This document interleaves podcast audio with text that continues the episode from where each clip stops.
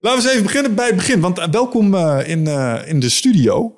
vandaag hebben we iemand hier zitten met, ik denk, meer medailles dan ik vingers en tenen heb. dat heb je heel goed gedaan al op 32 leeftijd. Net geleden. Ja, netjes. Ja, vandaag zit, uh, zit hier in de studio uh, Roy Meijer. En uh, voor mensen die hem niet kennen, Roy die kan wel iets met judo. Eén van mijn hobby's. Ja. Eén van je hobby's. Kun jij misschien eens mensen even kort vertellen wie je bent, wat je doet en waar mensen je met name van kennen? Ja, ja nou, eh, mijn naam heb je al uh, gezegd. Roy Meijer. Ik ben een zwaargewicht judoka. Dat betekent dat ik in de uh, boven de 100 kilo actief ben. En dat is variërend van 100 kilo tot en met soms wel 180 kilo. En daar vertegenwoordig ik Nederland op de grootste toernooien ter wereld. Denken aan EK's, WK's en de Olympische Spelen. En daar heb ik al een flink aantal medailles gepakt op een aantal van die toernooien. Ja, gisteren even een kleine telling gedaan. Drie keer zilver. Uh, zes keer goud. Ik had moeten beginnen met goud. Zes keer goud, drie keer zilver en zeventien keer uh, brons. Ja. Nu al. Dat is een flinke track record, man. Ja, nou ja, het zijn heel wat medailles. En dan te bedenken dat ik ook nog een periode van zeven jaar niet gejudo'd heb. Dus uh, als je kijkt naar mijn gemiddelde tegenstander, die hebben ze veel meer ervaring en tijd gehad om medailles te verzamelen. Dus dat maakt het voor mij extra zoet dat ik toch in een uh, beperktere periode toch aanzienlijk wat medailles ja. heb kunnen winnen. Kan je je vinger opleggen waarom dat is? Um, ik denk dat ik een andere route heb belopen uh, door een wat uh, lastige start in mijn jeugd. En, uh, maar dat heeft juist weer op andere gebieden in mijn persoonlijkheid voor, meer, voor wat extra's gezorgd. Voor wat meer mentale veerkracht en, en intrinsieke motivatie om in het leven succesvol te willen zijn. Kun je er iets meer over vertellen? Turbulente start? Jazeker. Ja, ik ben in een, wat je een probleemgezin noemt, opgegroeid. Er was, uh, thuis was er altijd veel conflict, veel uh, ruzie. En uh, soms kwamen er ook handjes bij te passen. Ik heb mm. op jonge leeftijd flink wat tikken gekregen. Maar ook gezien dat mijn moeder bijvoorbeeld flink wat tikken kreeg. En dat heeft er flink ingehakt. Ik denk dat ik zelf nu nog daar nog wel mijn... dat het nog zijn sporen heeft nagelaten. Mm. Ik heb, op, op, uh, ik heb van mijn zevende ben ik, uh, op mijn zevende ben ik op judo gezet. Heb ik tot ongeveer mijn tiende gedaan. En uh, daarna moest ik door omstandigheden het huis uit. Dus ik heb van mijn tiende tot mijn zeventiende in internaten doorgebracht. Eigenlijk uh, mijn gehele puberteit uh, in internaten en zelfs jeugdgevangenissen doorgebracht. Omdat er geen plek meer was in gewone internaten. Mm. En dan zat ik dan, daar zat ik tussen veel plegers, mensen die herhaaldelijk geweld of delicten en dergelijke hebben gepleegd. En ja, dat is natuurlijk een andere manier opgroeien dan als je uh, buiten vier muren zit um, in een beschermde omgeving. Mm uh, maar dat heeft er ook wel weer voor gezorgd dat ik veel uh, vroeger serieuzer in het leven stond. En besefte dat, dat, ik, ja, dat ik op mezelf moest rekenen om, om gelukkig te zijn. En na uh, keer op keer teleurgesteld te worden in die omgeving, uh, uh, besloot ik dat ik me niet meer zo wou voelen. Ik wou weten wat het was om gelukkig te zijn, om, om me veilig te voelen. En vanuit die frustratie van dit wil ik niet, vond ik de motivatie om op zoek te gaan naar wat anders. Niet weten naar waar ik moest beginnen, maar uiteindelijk heb ik daar wel um, het begin gemaakt van mijn topsportcarrière en alles wat daar omheen uiteindelijk is gebouwd. Ja. Ik uh, doe deze podcast al een tijdje. En ik spreek vaak met mensen die bijzondere dingen doen. En het is wel echt een patroon dat het merendeel van die mensen allemaal in de jeugd wel iets te verduren hebben gehad. Dat dat, dat, dat iets kweekt in je, um, waar je dan op, ja, dat, dat je weet te vertalen naar iets moois, gelukkig.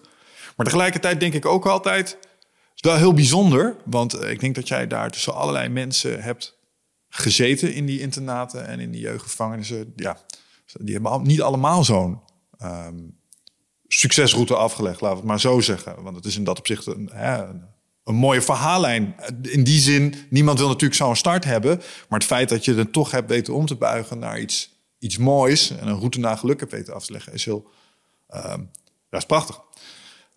Maar als je kijkt naar uh, het verschil tussen jou en al, laten we zeggen, de 99,9% van de mensen in internaten en in die het niet op die manier afleggen. Kun je iets zeggen over het verschil? Heb je daar wel eens over nagedacht?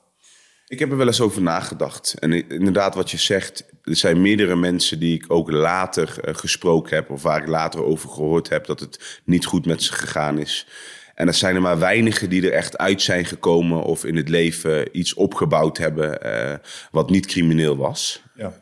Um, een aantal van mijn groepsgenoten in de op de laatste plek waar ik heb gezeten, die zijn op hele jonge leeftijd uh, overleden of geliquideerd. Uh, best wel heftig allemaal. En ja, wat het verschil maakt, ik, ik vind het heel moeilijk om, om daar echt een vinger op te leggen voor anderen.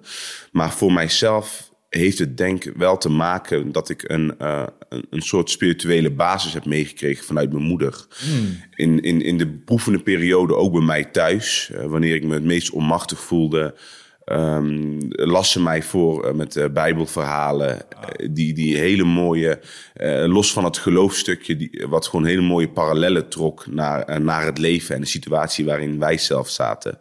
En daardoor, um, ja, daar vond ik toch een bepaalde troost uit. Dus op het moment dat ik op 15-jarige leeftijd um, zo gefrustreerd was met mijn situatie. Dat mensen maar over mij zeiden hoe ik in elkaar stak. Wat mijn potentie was. Wat ik allemaal niet goed deed toen raakte ik zo gefrustreerd dat ik dacht van ik wil me niet meer zo onmachtig voelen. Dat anderen die invloed op mij kunnen hebben.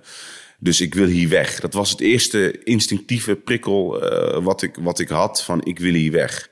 Maar wat moet ik daar dan voor doen? Hoe moet ik dat dan doen? En toen greep ik als eerst terug op uh, het lezen van verhalen. Op, op, op lezen. Dus ik vroeg mijn moeder om uh, boeken naar mij toe te sturen. Over geloof, verschillende religieën. Uh, over spiritualiteit. En dat is heel veelzijdig. Van de Bhagavad Gita. Natuurlijk de Bijbel, waar, wat de basis vormde. voor mijn geloof en benadering. Um, de spirituele romans, uh, de Celestijnse belofte van James Redfield. Ja, heel mooi, heel inspirerend. Ja, ja, ja, dit trekt ook echt wel naar ervaringen toe die ik uh, in, het, in het leven ook heb meegemaakt op spiritueel vlak. De, geleden dat ik die heb gelezen trouwens. Dat is, ja. ja, dat zegt, wow, oh ja, die had je ook nog. Ja, die had je ook nog. Die ja, moet ja, ja, ja. Dat is echt eentje die je wel vaker terug kan lezen, want het blijft je inspireren. En iedere keer lees je er weer wat, trek je er weer wat anders uit. En dan nog een andere boek die me heel erg inspireren waren de van het Verre Oosten van Barty Spalding. Die trekt een soort van. Um, die kijkt naar de positieve aspecten van zowel het christendom als het boeddhisme. En in plaats van dat, het, dat er, dat het, hè, dat er uh, tegenstellingen worden gezocht, worden die juist naar de overeenkomsten gezocht uh, in die twee uh, benaderingen. En ja, daar trok ik ook heel veel inspiratie uit. En dat heeft ervoor gezorgd dat ik uh, op zoek ben gegaan naar de zin van het leven, de mhm. zin van mijn leven. Maar ook naar hoe de mens nou in elkaar steekt. Weet je, waarom is, waarom is iedereen zo gemeen tegen elkaar in mijn omgeving? En om, om iets van mijn leven te kunnen maken, moest ik eerst een begrip ontwikkelen van wat de context, wat de zin was. En dat zorgde ervoor dat ik. Um, ja, dat ik echt stappen ging maken. In plaats, dat ik stappen ging maken van ik ga eh, bidden, ik ga mediteren, ik ga met mijn aandacht naar binnen om te zien eh, wat er nou gebeurt als ik boos word. En dat, ja, dat was de aanzet voor, voor, mijn, voor mijn groei en voor mijn wens om iets van mijn leven te bouwen. Ik heb in die periode heb ik, of tot die tijd heb ik altijd een, een, een, een, een huis gehad. Een dak boven mijn hoofd, wat me beschermde tegen, uh, tegen de regen en alles. Maar ik, heb, ik had nooit een thuis gehad. Een plek die ik de mijne kan noemen. Een plek waar ik me echt veilig voelde. En om dat uh, te hebben, moest ik het zelf gaan bouwen. Mm. En... Uh, daar begon het. Uh, met, vanaf, toen ik die intentie voelde en toen ik begon te lezen. Een half jaar later had ik mijn eerste grote succeservaring. Dat ik uh, voor de jeugdrechter kwam. En dat hij mij, uh, die over mij onder toezichtstelling van jeugdzorg ging. En dat hij uh, met een grote klap mijn dossier op tafel gooide. En een grote glimlach. En hij zei: Roy, weet je dat ik maar één keer in de, eens per jaar of twee keer per jaar jongeren tegenkom. die zo'n mooi omslag maken naar het positieve. En ik wil, dit is de reden waarom ik dit werk ben gaan doen. En ik wil je graag een kans geven om het weer te proberen in de maatschappij. En uh, ja, toen ben ik ook weer gelijk begonnen met judo. Want dat was iets waarvan ik toen ik heel jong was wist dat ik er goed in was. En dat ik, dat ik het een beetje kon. Dat ik het leuk vond. En ik ben gaan studeren, want ik wou succes ervaren. En dan spreid je in het begin je kansen over verschillende wegen. Mm -hmm. En zodoende ben ik, uh, begon, is mijn reis richting het topsport en het verdere leven echt begonnen. Dat is echt het, de, ja, de grootste basis geweest van mijn verandering. Ah, mama raised a good boy ja, basically wel. Ja, want, want je hebt, want ik stel me dan voor hoe dat gaat. Hè? Dan zit je in zo'n groep en, en, iedereen zit in een fucked up situatie. En iedereen voelt zich een beetje kwaad. En nu gaan een aantal gasten die gaan iets bekokstoven. Iedereen weet van, doe je mee. En dan, da, daar gaat die shit mis. Da, dan zeg ik, ja, doe ik wel. Want wat kan er misgaan, weet je wel? Dus één keer wordt twee keer, wordt drie keer. En voor je het weet ben je beroepscrimineel. Ja, Ehm, 100%. en, en ergens daar heb jij denk ik ook dat dergelijke aanzoeken gekregen. En toen zat er dus iets in jou wat je hebt meegekregen vanuit het stukje basisgeloof. En maar dat is geen goed pad, man. Het, het voelde niet goed. Zit jij eh, vaak in je hoofd? Eh, neem je heel veel informatie tot je video's, podcasts, boeken? Eh, nou, voel je niet schuldig, dat doen heel veel mensen natuurlijk. maar vaak zijn we op zoek naar antwoorden. Eh, gaan we nog meer informatie tot ons nemen. Terwijl ja, de antwoorden liggen toch echt in onszelf. En dat is iets wat we voelen met ons lichaam. Maar vaak zijn we zo erg in ons hoofd bezig ja, dat we dat ook niet meer, dat we daar niet meer echt goed bij kunnen. En dat is graag waar ik je voor uit wil nodigen. Voor Rite of Passage. 24, 25 en 26 mei is er weer een nieuwe editie voor mijn retreat voor persoonlijke ontwikkeling. Waarbij het thema echt is om uit het hoofd te komen in dat lichaam. Want dat is waar je alles ervaart. En ik wil dat je gewoon weer in contact komt met, met die, die intuïtie. Ehm, en dan gewoon een heel sterk eh, innerlijk kompas. Dat je gewoon weer weet waar je naartoe moet, wat je te doen staat. En dat je gewoon weer helderheid hebt over wat je wilt en hoe dat je dat gaat doen.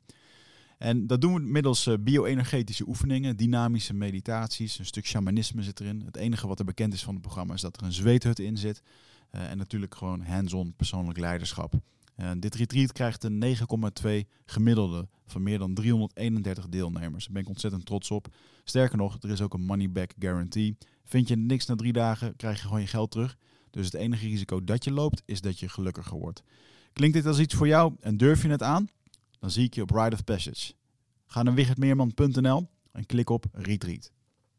Nee. En het is ook een stukje met. Ik geloof dat iedere mens, of in ieder geval veel mensen, als alles goed functioneert, een geweten heeft. En ik kan me nog herinneren dat ik als klein kind was ik heel erg onbevangen, heel erg energiek. En ik was avontuurlijk, dus ik probeerde van alles. En ik kan me nog herinneren dat ik eh, een, een zak brood had en dat ik de eentjes ging voeren. Maar in plaats van dat ik de brood in stukjes eh, gooi en ze voor me gooi, leek het me heel tof om een soort van eh, het ze gebruiken als frisbees. Ja, dus ik, ik die broodstukjes, die, die, brood, boterhammen gooien naar de, wat waren het, naar de eenden en, de- en de kuikentjes. En op een gegeven moment gooide ik zo'n kontje, die gooide ik iets te hard tegen zo'n kuikentje aan. En toen sloeg die schouder of dat vleugeltje zo uit de kom. Ja, en, die moeder eend kwam zo boos erop af en die sloeg zo met één slag zo die dat vleugeltje weer goed. En daar voelde ik me echt heel vervelend over als jong kind, weet je. Dus ik wist dat ik, ook als ik eh, foute dingen zou doen, dat ik niet van binnen een, een, een slecht mens was. Dus ik, ik heb, had er geweten en ook ik vond het niet fijn als ik verkeerde dingen deed. Maar door de onmachtige situatie ga je toch op, op, op zoek naar een, een, een invulling, naar een manier om om te gaan met je vervelende emoties. En dan zie je al heel snel dat soort, eh, soort aan, aantrekt. Je, je praat op jonge leeftijd niet eh, met leeftijdsgenoten van... Hey, heb jij het ook zo zwaar thuis of voel jij je ook ongelukkig? Nee, maar er is iets in, in, in hun energie of in hun gedrag wat jij herkent. En dat, dat trekt elkaar aan, maar de negatieve dingen die gebeuren... die versterkt het ook met elkaar. En als je dan in een groepssituatie komt dan ga je daarin mee. Want dat is het enige wat, eh, wat je kent. En op jonge leeftijd kun je het onderscheid gewoon niet goed maken. Eh, totdat het echt misgaat. En als het dan misgaat, dan kom je in een omgeving waarin er meer mensen zijn eh, waarin het misgaat. En dat wordt steeds groter en groter en groter. En zo zie je ook dat heel veel jongeren die in, in, in internaten of in groepen komen. Er is vaak een goede intentie in het begin om ze te helpen. Maar ondertussen zitten ze wel in, in, in een omgeving waarin heel veel van die jongeren elkaar negatief versterken. En ja, dan, dan, dan komen ze er op een gegeven moment niet meer uit. En ja, dan gaat het, eh, dan gaat het inderdaad eh, nog meer mis. En ik kon toch wel gelukkig teruggrijpen op dat stukje in mij. Eh, dat, stukje, dat stukje gevoel, dat, die, de vrolijkheid, de energie, dat ik altijd al had gehad. En met mijn zoektocht naar binnen, dus mijn aandacht naar binnen te keren... in plaats van alleen maar in mijn externe te zitten en in mijn problemen en wat allemaal misging... ehm, heb ik dat kunnen voeden. Heb ik de, hè, de, de goede wolf in mij kunnen voeden in plaats van de slechte wolf. En daardoor kon de goede wolf eh, ja, uiteindelijk dominanter worden in mijn leven. En een, een, een pad belopen die uiteindelijk tot veel meer geluk eh, zou leiden. Ja, ehm, dit, dit, dit is misschien wel interessant, omdat ehm, je gaf aan een aantal boeken gelezen over spiritualiteit. Ik las laatst een boekje dat heet The Kabbalion. Ik weet niet of je er wel eens van gehoord hebt. Het is gebaseerd op eh, hermetische filosofie. Ehm, en daar hebben ze het over het principe van frequentie. En wat ik heel tof vind aan jouw verhaal is dat laat energie eens een frequentie hebben. Ehm, jij als uh, degene die de energie waarneemt of ervaart, hebt zelf invloed op welke kant je dat opmoduleert. Dus laten we dus vanuit gaan dat negatief gedrag, demonisch gedrag, dat dat lage frequentie shit is. En dat dat juiste nobele gedragingen, higher self shit, dat dat hoge frequenties zijn. En jij bent een soort radio. Je kan linksom en je kan rechtsom. Ehm, en daar moet ik heel erg aan denken nu, dat, dat er iets in jou zat. En ik denk dat het geloof is geweest. Dus laat dat dan een pleidooi zijn dat de spiritualiteit op jonge leeftijd is helemaal niet zo slecht, denk ik. Mits niet dogmatisch gedaan misschien. Eens. Ik denk ja. dat, dat het is. Maar, maar dat, dat, dat, het kwam bij jou, zeg maar. En in plaats van dat het zwart werd, werd het...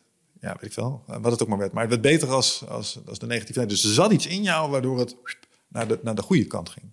Ja, nee, wat je zegt, dat is een, een hele zuivere analyse ervan.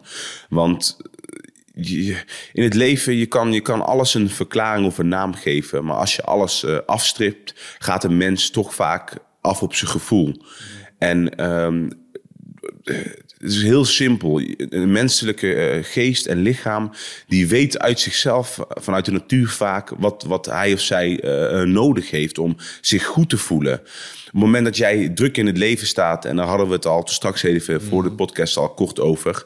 En je bent op weg naar je werk of je bent op eh, weg naar je dagelijkse verplichtingen. En je ziet een, een, stukje bos of de manier hoe de zon schijnt. En dan voel je in één keer rustig worden. Of je voelt in één keer een extreme behoefte om uh, naar de rust of naar de natuur te gaan. Of dat kan, hè, dat kan naar een plek gaan waar, waar jij je rustig of, of fijner voelt. Dan is dat eigenlijk je geest die aangeeft dat dat hetgeen is wat je nou op dit moment echt nodig hebt. Mm. En als we wat vaker daarna zouden luisteren, zouden we als mensen ook meer in balans zijn. Er zit een super sterke kompas in onszelf, die we pas, um, waarvan we pas de waarde eh, leren kennen als we er vaker naar gaan luisteren. Ja, waarom luisteren we daar niet naar?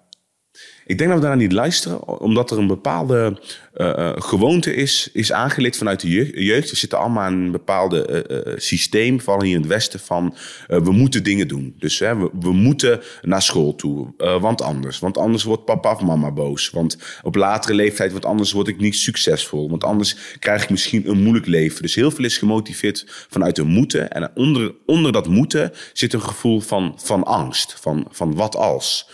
En ik denk dat, dat, dat, je, dat er daardoor um, heel veel mensen ver, verder weggaan van hun eigen natuur, van wat er in hunzelf zit. Want alle aandacht is naar buiten toe. Ik moet dit goed doen, ik moet dat doen, ik moet zus doen, ik moet mijn diploma halen, ik moet geld verdienen, uh, want dan ben ik gelukkig. Maar dat stukje gelukkig zijn, dat heeft niks te maken met daarbuiten. Dat heeft meer te maken met uh, uh, ben ik in staat om naar binnen te gaan en om, om echt te voelen wat er in mij gebeurt en daar ook op te reageren. Op het moment dat dat vanuit jonge, vanuit jonge leeftijd aangeleerd zou worden, hè, dat dat het belangrijkste is en daarna pas de rest, geloof ik dat er veel meer mensen gelukkig zijn, dat er ook veel meer uh, problemen zijn, minder, sorry, veel minder problemen zijn zoals burn-outs en depressies. Mm.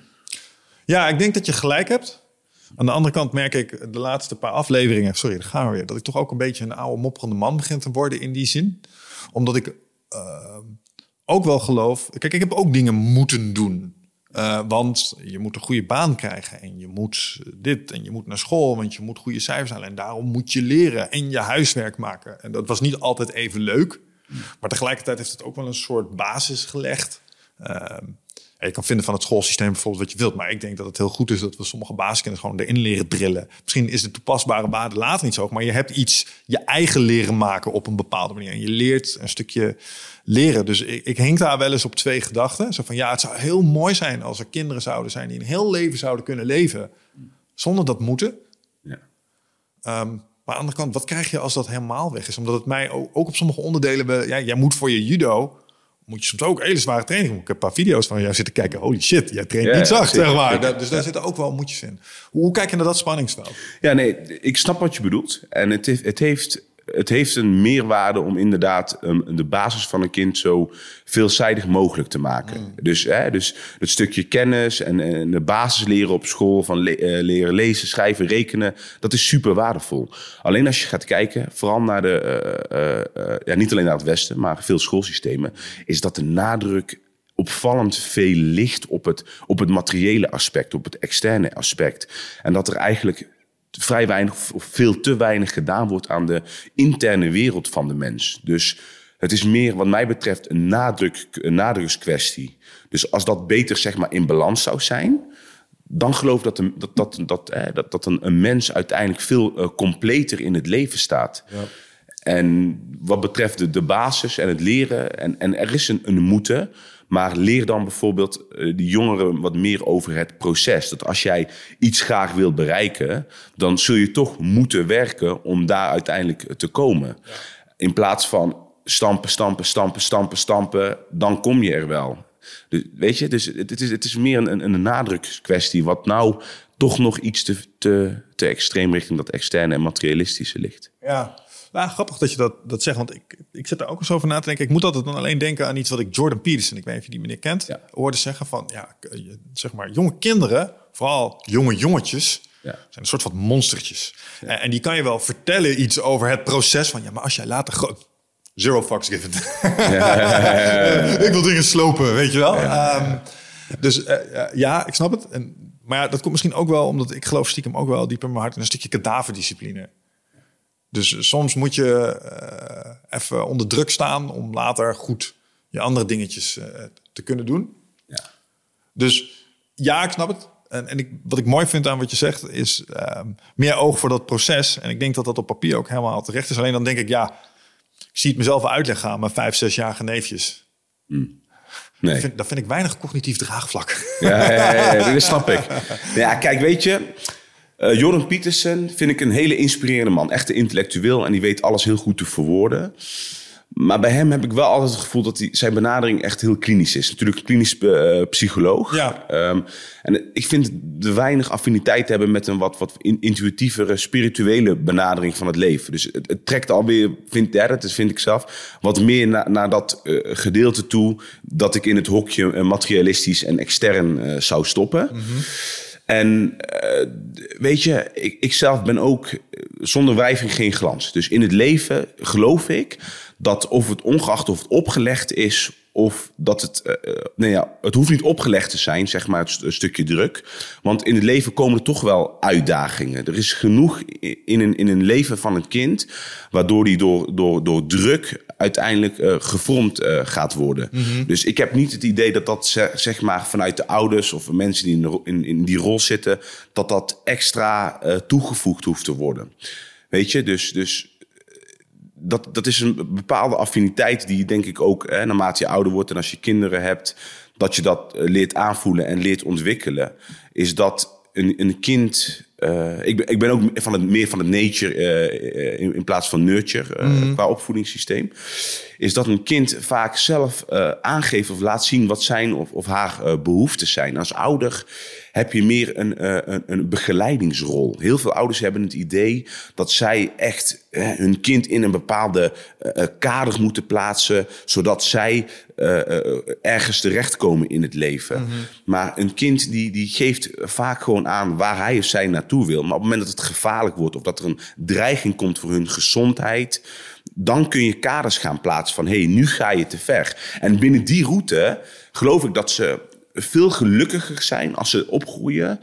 Um, uh, dan als, als de kaders weer uh, te strak worden gezet. En dat is ook echt een benadering die ik en mijn uh, vrouw hebben met onze opvoeding. Ook omdat zij, zij heeft het in haar opvoeding ook meegekregen. Is dat het niet uitmaakt wat, wat onze twee zoontjes uiteindelijk gaan doen. Als ze er maar gelukkig van worden. Ja daarom qua sporten mag hij alles doen wat hij leuk vindt. Uh, hij zit op zwemmen, hij doet judo, hij krijgt uh, personal training met fitnessen. Hij heeft laatst gerugbied, nou, daar hebben we hem van afgehaald. Uh, hij heeft net zoveel veel affiniteit met balsport als ik. Ah. niet veel dus. dus ja. nee. en ja, nee, ja ik, ik, en nogmaals, ik, ik, weet niet of dat de perfecte manier is. Maar mijn gevoel zegt mij dat, dat kinderen zowel uiteindelijk het gelukkig zijn en het, het meest gelukkig uh, worden in, in de toekomst. Ja, ik denk dat het het beste is wat je kan doen. Um, boek waar ik het nu een paar keer over heb gehad in deze podcast is uh, een boek dat heet Mastery van Robert Greene. Robert Greene is ook een paar keer bij uh, Joe Rogan geweest volgens mij. Maar um, en zijn onder, onderstudie Brian Holiday ook. Uh, ja. is ook een slimme gast. Ja. Maar in zijn boek Mastery schreef hij iets en dat is me altijd bijgebleven. Um, namelijk, als je ergens uitzonderlijk goed in wil worden, uitzonderlijk goed. Ga dan dingen doen die je deed toen je kind was. Want die deed je vanuit jezelf. Daar ligt een natuurlijke, intrinsieke motivatie om die dingen te doen. Dus dat doe je uit jezelf al een beetje. Uh, en, ehm, en als je die elementen, zeg maar, weer terug weet te laten komen in wat je later in je werk doet. Dus je, je blijft een beetje dat innerlijke kind blijf je voeden en het blijft een soort van spelen voor je. Ehm, dan ga je uitzonderlijk goed worden in het pad dat je kiest. Omdat het je zo natuurlijk en organisch afgaat. Ja. Um, dat kan bijna niet anders dan dat de plekjes op uh, dat stukje op de juiste plek vallen. Ja. Uh, en dat, dat benoemt hij heel duidelijk. Dus ga terug naar dingen die je, uh, vooral als je een disconnect voelt, Zeg maar van wat ben ik nu aan het doen? Ik ben helemaal niet gelukkig. Ja. Maak eens een lijstje met shit die je deed toen je vroeger klein was. Toen als kind waar je vrolijk van werd. Weet je wel? Ja, ik was hut aan het bouwen. Ik was vuurtje aan het poken. Ik was aan het vissen in de kreek. Ik was met een pijl en boog door het bos aan rennen. Veel te late leeftijd nog eigenlijk, weet je wel? Ja, ja, Maar dat, dat, dat, dat, vind ik dus, dit vind ik dus heel mooi. Want um, het krachtigste wat er is, is dat je je innerlijk kind... Uh, de vrije teugel kan laten. We leven in een, in een samenleving, in een maatschappij waarin we toch op een bepaalde leeftijd een bepaalde eeltlaag nodig hebben. Uh, een eeltlaag, een eeltlaag om, om, om je hart, om je ziel, om te kunnen functioneren. Dat is zonde, maar het is de realiteit waarin we leven. Hè? Dat, dat, dat, dat is gewoon zo.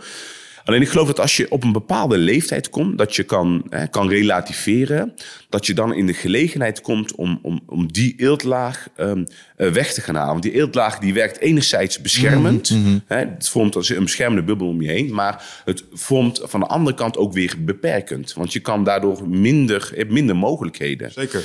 En op het moment wat jij omschrijft dat jij terug kan naar de innerlijke kind, ga je ook eigenlijk terug naar jouw um, naar wie jij eigenlijk als persoon bent. Je, je, je gaat teruggrijpen op een stukje authenticiteit. En mensen die erg authentiek zijn, in, staan in het leven, die zijn dus een soort van vlam waar andere mensen als motten op afkomen. Omdat ze iets herkennen van, hé, hey, ik wil ook zo oprecht glimlachen. Ik wil ook zo rustig zijn en ik wil, ik wil me ook zo voelen in het leven. Ja, ja en het, het ligt vaak direct voor je neus. Een van de belangrijkste dingen die ik ben gaan doen, is ik ben stoppen met, ken je dat spelletje wat je vroeger speelde toen je klein was? Met zo'n driehoekje door een driehoekje en een rondje door een rondje en een vierkje. Ja, oké, je moet stoppen met driehoekjes door de verkeerde vormpjes heen rammen. Of weet je, ze, ze hebben een pasvorm. Gebruik die pasvorm. En jij bent waarschijnlijk iets aan het doen. Je probeert iets ergens doorheen te verrotten wat er helemaal niet voor bedoeld is. Ja. En zodra je daarmee stopt, houdt alle pijn op. Ja, inderdaad. dat is zo. Eh, dat is absoluut zo. En dat vind ik, ja, dat, dat vind ik gewoon mooi. En ik denk dat het ook voor niet alleen voor mij als persoon, maar voor de meeste mensen een mooi streven is. Um, probeer eh, op een punt in je leven te komen waarin je alles wat jij hebt opgebouwd, wat jou niet direct helpt om verder te komen of om mhm. gelukkig te worden, probeer dat in eerste instantie te herkennen. Van het, zit daar, iedereen, we allemaal hebben dat. En dan, als je dat eh, herkent, dan kun je een keuze maken van wil ik verder, wil ik gelukkig worden in het leven, wat ga ik daar uh, dan aan doen? Mhm. En op het moment dat jij uh, kan teruggrijpen op wie jij echt bent van binnen, dus op, op dat stukje innerlijk kind, dan, kun jij, uh, dan, dan begint jouw route op weg naar authenticiteit. En dan zul jij geluk ervaren, ongeacht jouw externe of mat, materiële omstandigheden. Ja, ja, en, en ik denk dat als we teruggaan naar wat we er straks zeiden over het feit dat in jouw basis een stukje spiritualiteit en geloof heeft gezeten, waarin dat meer zit als in het klassieke opvoedingsmodel, waarbij je bepaalde plaatjes geschetst krijgt. Ik had hier meneer ja. Uh, Mark Ziegkom van verhaspel zijn naam dat, sorry Mark, maar die, die heeft het over quarter life eh, crises. En dat zijn mensen van 25, 30 die denken, ja, is dit alles, weet je wel? Um, hoe kan het dat ik alles heb wat ik zou moeten hebben, conform het plaatje? Ik heb mijn huisje, ik heb mijn boompje, ik heb mijn beestje, ik heb een baantje, maar ik ben niet gelukkig. Waar is dat dan? Ja, en, en, en, hij zegt ook, ja, wat dat is, is proberen te voldoen aan dat reeds geschetste plaatje. Ja. En, en, dat plaatje krijg je voorgehouden in die klassieke opleiding. Ja. En hoe ik dat de laatste tijd voor mezelf een beetje verwoord, want ik maak me er zelf nog steeds schuldig aan, want die conditionering is hardnekkig. Ja. Heel hardnekkig. Ja, ja, ja, uh, maar ze aanbidden van valse goden. Als we teruggaan naar de Bijbel. Uh, ik heb ook uh, een katholieke opvoeding genoten. Ik kwam, kwam uit een heel klein dorpje, Boskamp. En ik ging gewoon naar de katholieke school. Ik zat regelmatig in de kerk. Ik heb alle verhalen ook gehoord. Ja. En uh, dat vind ik ook leuk aan wat jij zegt. Want ik denk er nog wel eens aan, nu ik ouder ben. En eerder zette ik me er een klein beetje tegen af. Want Kattegezen, weet je wel. Ja. Oh, nou, ik moet weer liedjes zingen. Uh, ik ken ze nog steeds, weet je wel. Welkom. um, anyway, um, maar uh, dan moet ik denken aan het verhaal over uh, Mozes die terugkomt van de berg. En eh, dat, zijn, dat zijn volk valse goden is gaan aanbidden. Dus ze hebben een groot gouden standbeeld van een gouden stier hebben ze gemaakt. Of Moloch, dat ding heette. Ja, kalf. Um, ja, het, ja. het, gouden kalf. En ja. dat was niet de bedoeling. Want, want andere dingen waren belangrijk. Daar had hij een paar stenen bij zich en dan stond dat op. Maar dit, was, dit stond daar haaks tegenover. En ik heb wel eens het gevoel dat we een beetje geleerd worden om vooral een gouden kalf te willen hebben. Ja. In onze opvoeding en conditionering. Ja, we willen inderdaad, ben ik mee eens, we willen de, kort, de kortste route nemen naar wat we denken dat geluk is. Dus we gaan voor de, de, de, de simpele uh, impuls, de simpele vervullingen van korte genotjes. En dat, dat als het niet lang duurt of er niet hard voor gewerkt hoeft te worden, dan kun je er bijna vergif op in, inslikken. Dat het je op lange termijn niet gelukkig, sterker nog ongelukkig gaat maken. En dat is eigenlijk een, bepaal, een soort van wetmatigheid. En um, dat, is, dat is inderdaad een, een mooi voorbeeld. En wat je ook zegt. Geloof is, iets heel moois, is iets heel puurs. Maar op het moment dat het uh, dogmatisch wordt, of als het, uh, mensen het gevoel krijgen dat het opgelegd wordt, of dat er een moeten in zit, dan zul je merken dat, dat veel mensen zich er tegen uh, af gaan zetten op een bepaald punt. En op het moment dat je jong geloof opgevoed bent en je wordt ouder, dan kan je beter relativeren. Dan kan je zelf jouw eigen herkenning vinden in, in de Bijbel en in het geloof. En dan wordt het een, een, een complete verhaal voor jezelf. Daarom heb ik ook ontzettend veel bewonderingen voor mensen uh, die spiritueel zijn of voor mensen in het geloof die uh, het over kunnen brengen op een, op een vrije manier met heel mm. veel uh, metafoors. En dat, dat, vind ik, dat vind ik prachtig. Ja. En wat je ook zegt, de, de conditioneringen die super hardnekkig zijn op een bepaald punt, om die te doorbreken is een dat is, dat, dat is de uitdaging in het leven. Mm-hmm. Eh, vanuit het boeddhisme uh, zeggen, leggen ze ook uit dat het, het begin van iemands persoonlijkheid of karakter begint bij een, gedachte. En een gedachte dat zichzelf herhaalt, dat wordt een, een patroon. Die, die gedachten die worden verbonden aan emoties, gevoelens die je mm-hmm. erbij hebt. En uiteindelijk uh, wordt, het patroon wordt een gewoonte. Uh, je gaat ervan uit dat het daar is, of dat je op die manier denkt of, voelt. En die gewoonte wordt uiteindelijk een karaktertrekje, waarvan je iemand zegt van ja, hij is best wel vaak uh, boos of, of chagrijnig. En die karaktertrekken samen, die vormen uiteindelijk tot iemands persoonlijkheid. Iemand is een, een blij persoon, hij is altijd heel gul en et cetera, et cetera. En om die conditioneringen door de jaren heen te, uh, te veranderen, dat kun je bijna niet door je erop te richten van ik moet dat niet doen. Nee, je moet er iets tegenover zetten als het negatief is, wat positief is. En daar weer een, een, een positieve conditionering uh, voor opbouwen, ja. wat daar tegengewicht aan kan winnen. Maar dat is dat is niet makkelijk om dat zomaar eventjes te doen. Nee, nou ja, het, dat is dat terug. Dat is wat waar ik het straks over had met die frequenties. Dus merken, oh, ik zit nu aan deze kant van het spectrum. Want, want wat, wat ze je leren in die Kabbalion is dat sommige emoties zijn eigenlijk twee punten op een lijn. Dus je kan liefde voelen en je kan haat voelen. Maar dat is hetzelfde op één lijn. Alleen er zijn dingen die ervoor zorgen dat je nu boos of hatelijk voelt. Maar als je op een bepaalde manier daarnaar kijkt, dan kun je het terugbrengen door te begrijpen, door te relativeren, door je bewust te zijn van het feit dat je hier heel heftig op reageert. Omdat sommige mensen je vroeger een brillie hebben genoemd. Dus toen voelde je je onmachtig. En nu zit je in een positie dat je macht hebt. En nou ben je iets extra boos, want nu kun je eigenlijk vergelden op vroeger. Ja, maar dat is niet de bedoeling, Mies. Dus snap je? En, en op die manier kun je via bewustzijn. Ja, dat is, kun je ze leren ontrafelen. Je zei, ja. bewustzijn. En ja. dat was ook echt de, het puntje waarvan ik dacht het moment dat je bewust bent van iets, dan breng jij licht erin. Dan breng je licht in een situatie. En alles wat duister en donker is, dat kan het licht niet verdragen. Dus op het moment dat jij bewust bent van iets, zul je al sneller merken dat je in een, in een positieve uh, situatie terechtkomt. Mm-hmm. En ja, dat is, dat is ja, dat, dat snap ik, voel ik. Ja, ja, ja en, en ik denk dat um, daar ieder mens uh, zichzelf een klein beetje meer aan te laten werken. Even terug naar de weg naar geluk. Ja. Daar zit hij, denk ik. Want, want, daar ga je zien, waarom vind ik het toch zo belangrijk wat mijn baas van me vindt. Of, want, want ja, hij bepaalt hoeveel centjes ik heb. maar waarom vind ik dat zo belangrijk? Ja, omdat mijn vader dat heeft gezegd dat ik veel centjes moet hebben. Want dan kan ik op een bepaalde manier wonen.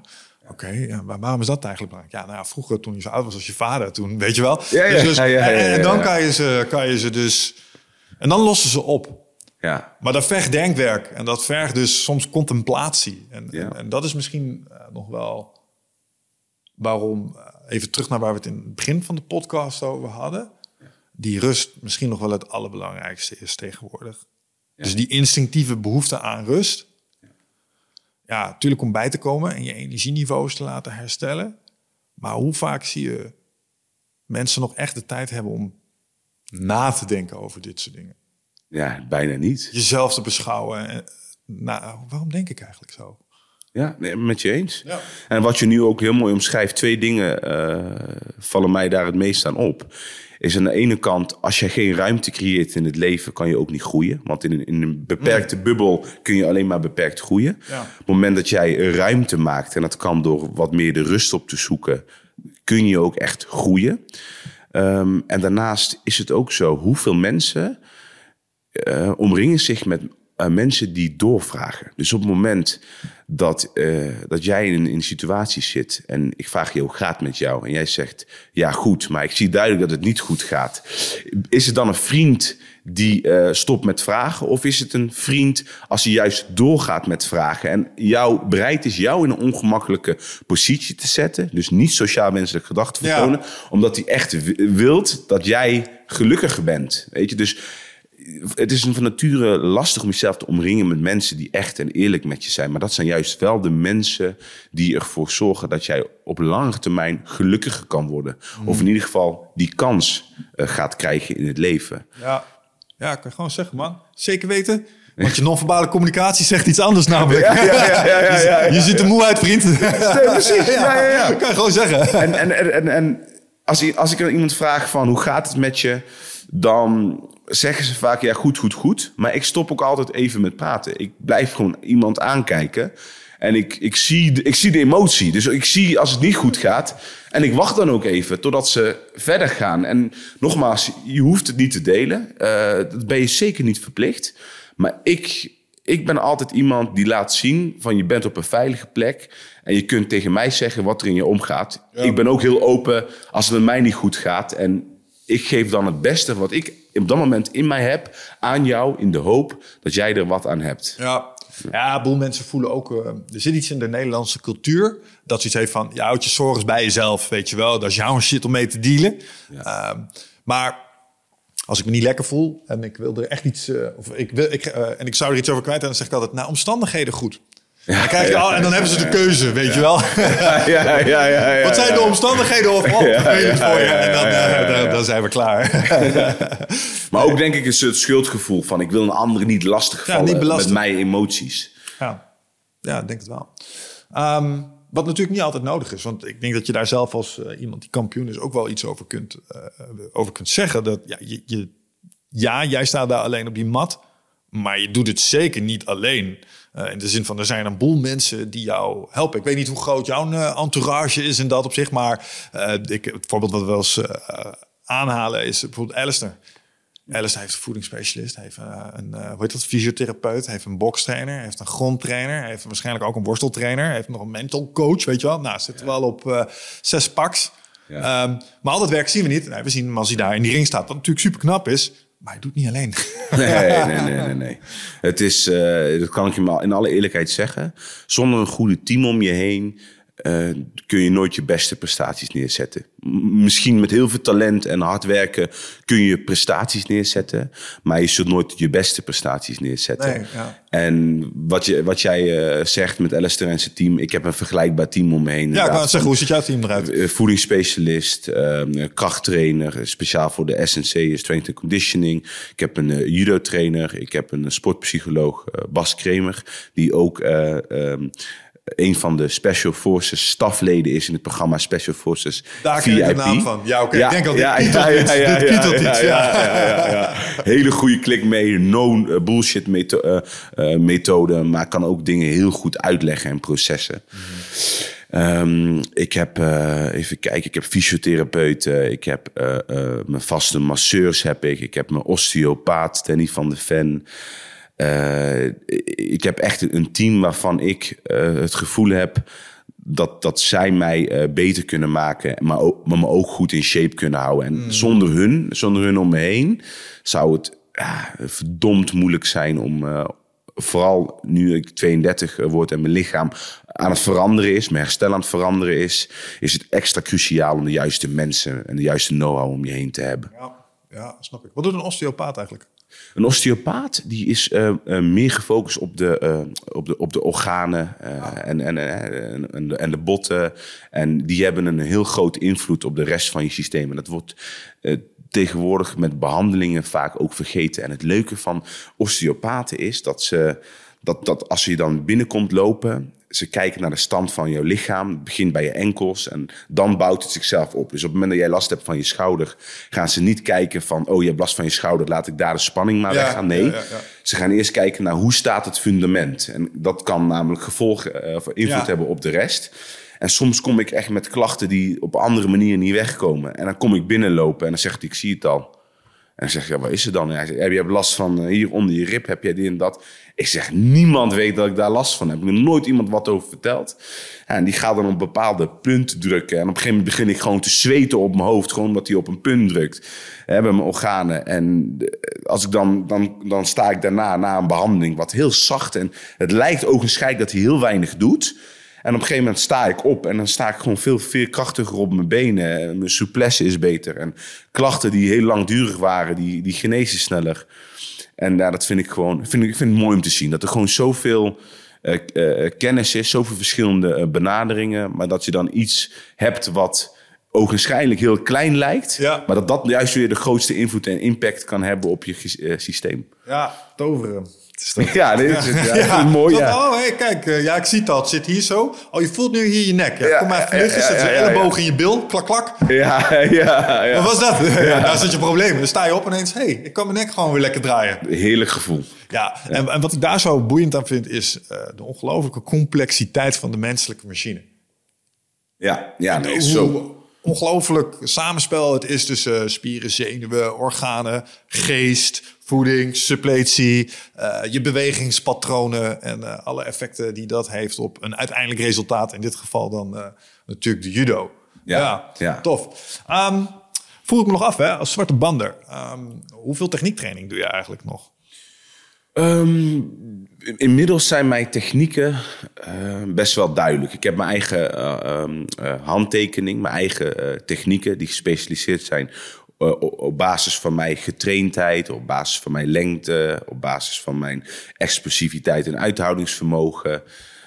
En wat ik doe, is na wedstrijden, op het moment dat er iemand is die een oplossing heeft voor mijn pakking of technieken, Um, dus het lukt niet om iemand te werpen, dan ga ik evalueren van hey, dit gebeurt steeds vaker. Hoe kan ik mijn techniek nog verbeteren? Dus ik doe nou één of twee keer per week nog techniektrainingen, waarin ik uh, mijn technieken soms lichtelijk aanpas naar tegenstanders toe, waarin het moeilijk gaat. Ja, okay. Maar voor de rest verandert het wat dat betreft niet, niet heel veel aan mijn technieken. Nee, dus als ik hem goed begrijp, is laat het judo is uh, 100, uh, maak het makkelijk, 100 technieken hebben. Uh, jij hebt een aantal jaar gejudo. Je weet, deze 20 zijn mijn technieken. Als ik hier sta of ik ben hier in deze positie, zijn dit mijn go-to moves. Ja. Want ik weeg zoveel, ik beweeg op deze manier. Dit zijn ze voor mij.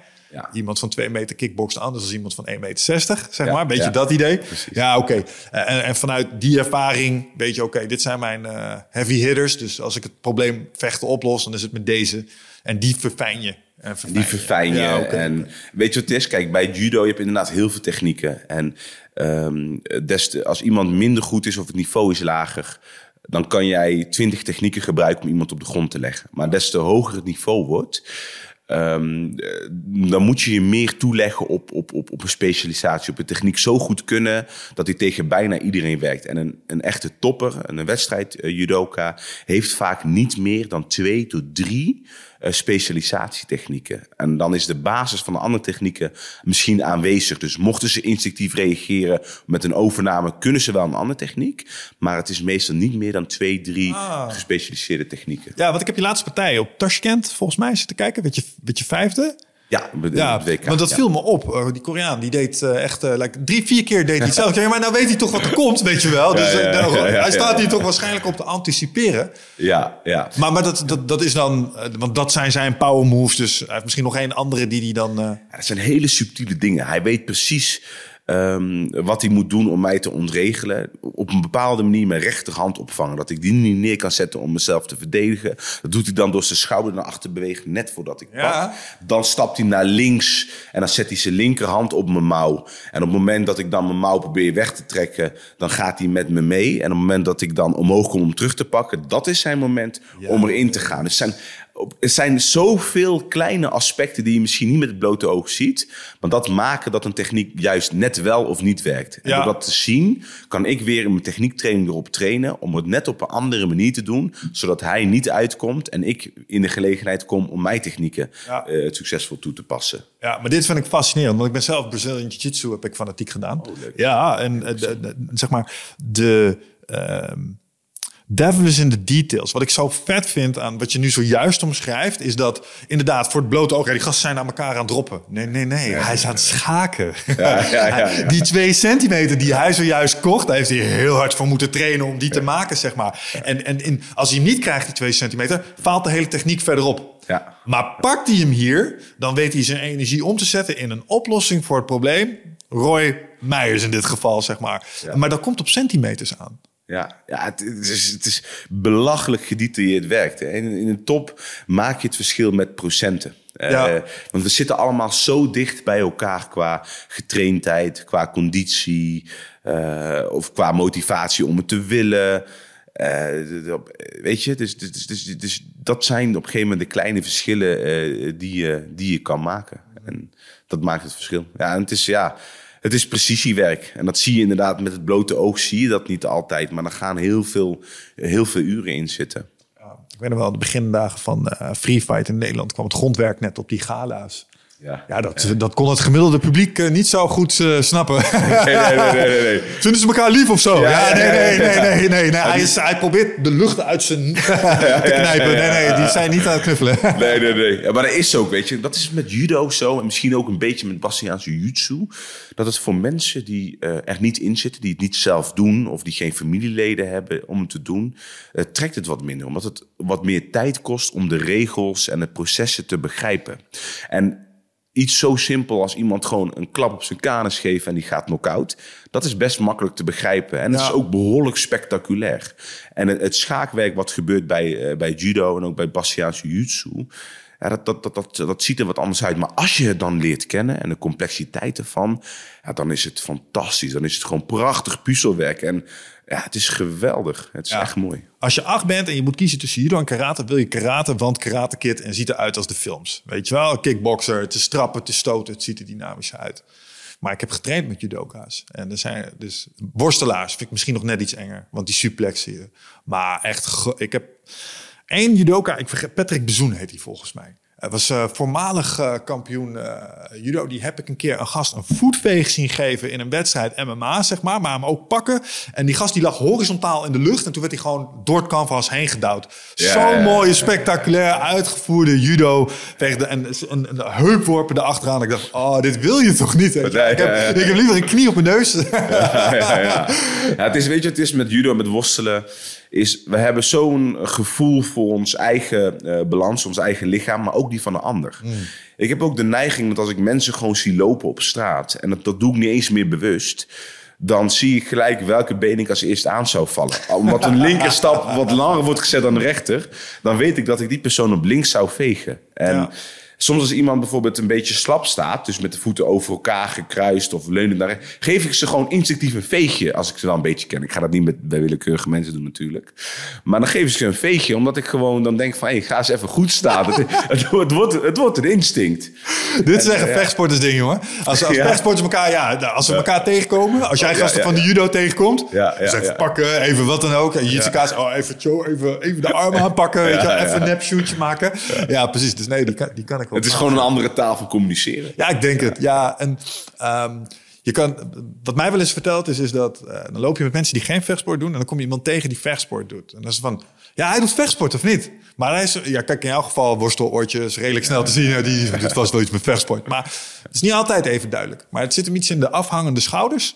We lopen een klein beetje zo. eh, weet je, dat doet allemaal. Maar vechters herkennen elkaar altijd Ja, ja. overal ter En dan wereld. kijk je zo en denk je, zal wel iets doen, weet je wel? Ja. Ja, ja er, is, er is een bepaalde zelfverzekerdheid in de tred, in het loopje van een, van een vechter. Een bepaalde, een bepaalde houding. En het is niet per se dat dat agressief is.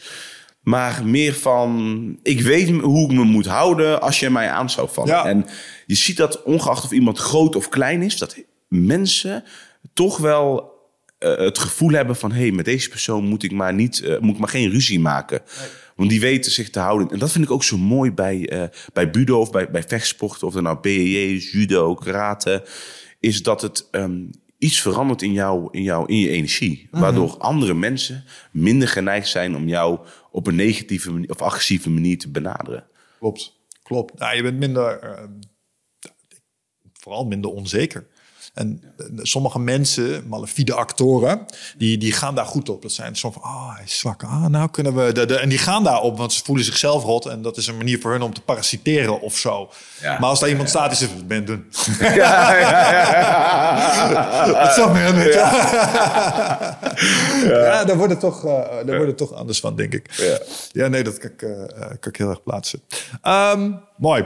Ehm, even terug naar het stukje ehm, mindset. Daar wil ik het ook, ook eventjes met je over hebben. Want eh, ik, ik zei al, ik vind eh, judoka's best wel intimiderend. En dat komt omdat geworpen worden...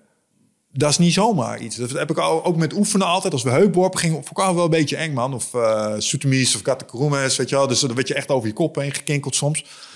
Suplexjes, gelukkig met de mat erbij. Ehm, dus het is een spannende sport. Niet alleen zwaar, maar vooral spannend. Zeker als je in de 120 kilo plus categorie zit. Stel ik me zo voor. Ik, ik weet niet, ik ben nooit een, echt een licht gewe- geweest. Maar die gasten hebben ook ogen. Dus als jij 70 kilo of 60 kilo weegt, dan zie je ook wel, ja, dat is 60, 70 kilo. Ziet er anders uit als 120 kilo. Ja, ja, ja, ja, ja, zeker. Toch? Nee, nee, absoluut. Niks ten laste van lichtgewichten, want er zijn mensen van 60 kilo die mij moeiteloos opvouwen met het Braziliaanse jiu-jitsu. Dat zegt niet altijd iets. Nee. Maar dat het zo'n grote doet is, eh, doet misschien wel iets. Ja, ik ben als zwaargewicht eh, een van de kleinere zwaargewichten ook. Heel Small veel- giant was je, De small giant. Ja, ja. inderdaad, mijn bijnaam inderdaad. Omdat ik fysiek misschien kleiner ben, maar wel eh, vaak eh, vecht als een reus. Voor iemand die groter is. Ja, ik heb tegen tegenstanders gestaan van ruim 2 meter, eh, 180 kilo wegende kolossen. En eh, 180 kilo? 180 kilo, ja, zeker. En alles wat er tussen 180 God. en 120 kilo in zit, ja. ja. En ehm, dan moet je een bepaalde fighting hebben. Je moet bereid zijn om te sterven op de mat. Je Ja. gaat erop. En als je dat niet hebt, dus als jij onzeker bent of bangig, dan ben je ook ehm, kwetsbaarder. Dan is er een grotere kans dat je geblesseerd, geblesseerd raakt. Dus juist de bereidheid om hard te vechten, dat, dat, dat neutraliseert juist de gevaar van je tegenstander meer. En wat je met judo hebt, is dat je Ehm, het is een sport die best wel complex is om aan te leren. Eh, de, de, de eerste wat je leert is een stukje lichaamsbewustzijn. Dus hoe moet ik vallen? Dat is, daar begin je mee voordat je staande andere Ja. mensen gaat werpen. En ehm, door dat gevoel te hebben, kan je ook veel zelfverzekerder eh, technieken toepassen, maar ook het gevecht aangaan met de kans dat je geworpen wordt. Eh, en het is eh, inderdaad ook een blessuregevoelige sport. Want op het moment dat jij een, iemand, van, of iemand van 180 kilo jou werpt, eh, dan komt die persoon ook nog met jou mee. Dus als die dan op je ribbenkast valt en jij valt op je zij, ja, dan heb jij een breuk. En ik heb denk ik in mijn lichaam ook behoorlijk wat schade opgedaan in de loop der jaren. Van vingers uit de kom. eh, eh, mijn nek zou geopereerd moeten worden omdat ik gewoon minder gevoel heb in mijn, in mijn duimen. En iets minder kracht kan leveren. Ja, inderdaad. Dus ja, en weet je, en zo heb ik een. Als, als je mij onder een MRI legt, dan krijgt degene die dat moet eh, beoordelen, krijgt een, eh, een hartaanval. Want die denkt van hij moet acuut geopereerd worden. Hoe kan het dat deze dude nog functioneert? Exact dat. En, en dat is iets wat je met veel topsporters hebt. Hè. We- het, het, het, gaat, het is niet meer eh, de breedte sport. Het is niet meer alleen voor de gezondheid. Je probeert een, maximale prestatie te Ja, leveren. ja. En daar moet je wat voor inleveren. En eh, ja, maar ik vind het ook wat heerlijks hebben. Hè? Dat stukje gevaar, dat stukje tegen iemand vechten... die, die veel groter en sterker is dan jou... en die dan toch op, eh, breken, eh, mentaal en fysiek. Oh. Voor de mensen die dit niet op YouTube kijken, je zou voor de grap even naar zijn gelaatsuitdrukking nu moeten kijken. Hier zit een man die houdt van slopen. ja, ja, ja, ja. Dat vind ik heerlijk. En Ja. ik heb ook trainingen gehad dat ik gewoon een verwerking toepas. En dat is dan wel vaak iemand die dan iets minder is. En ik ben geen klootzak, althans niet altijd. Maar dan vind ik het ook gewoon leuk om, om mijn wurging rustig aan te zetten. En te zien dat iemand van, van wat gebeurt er, tot paniek en rood aanloopt. Van oh shit, weet je wel, deze man. En dan zit ik echt diep in de ogen te kijken.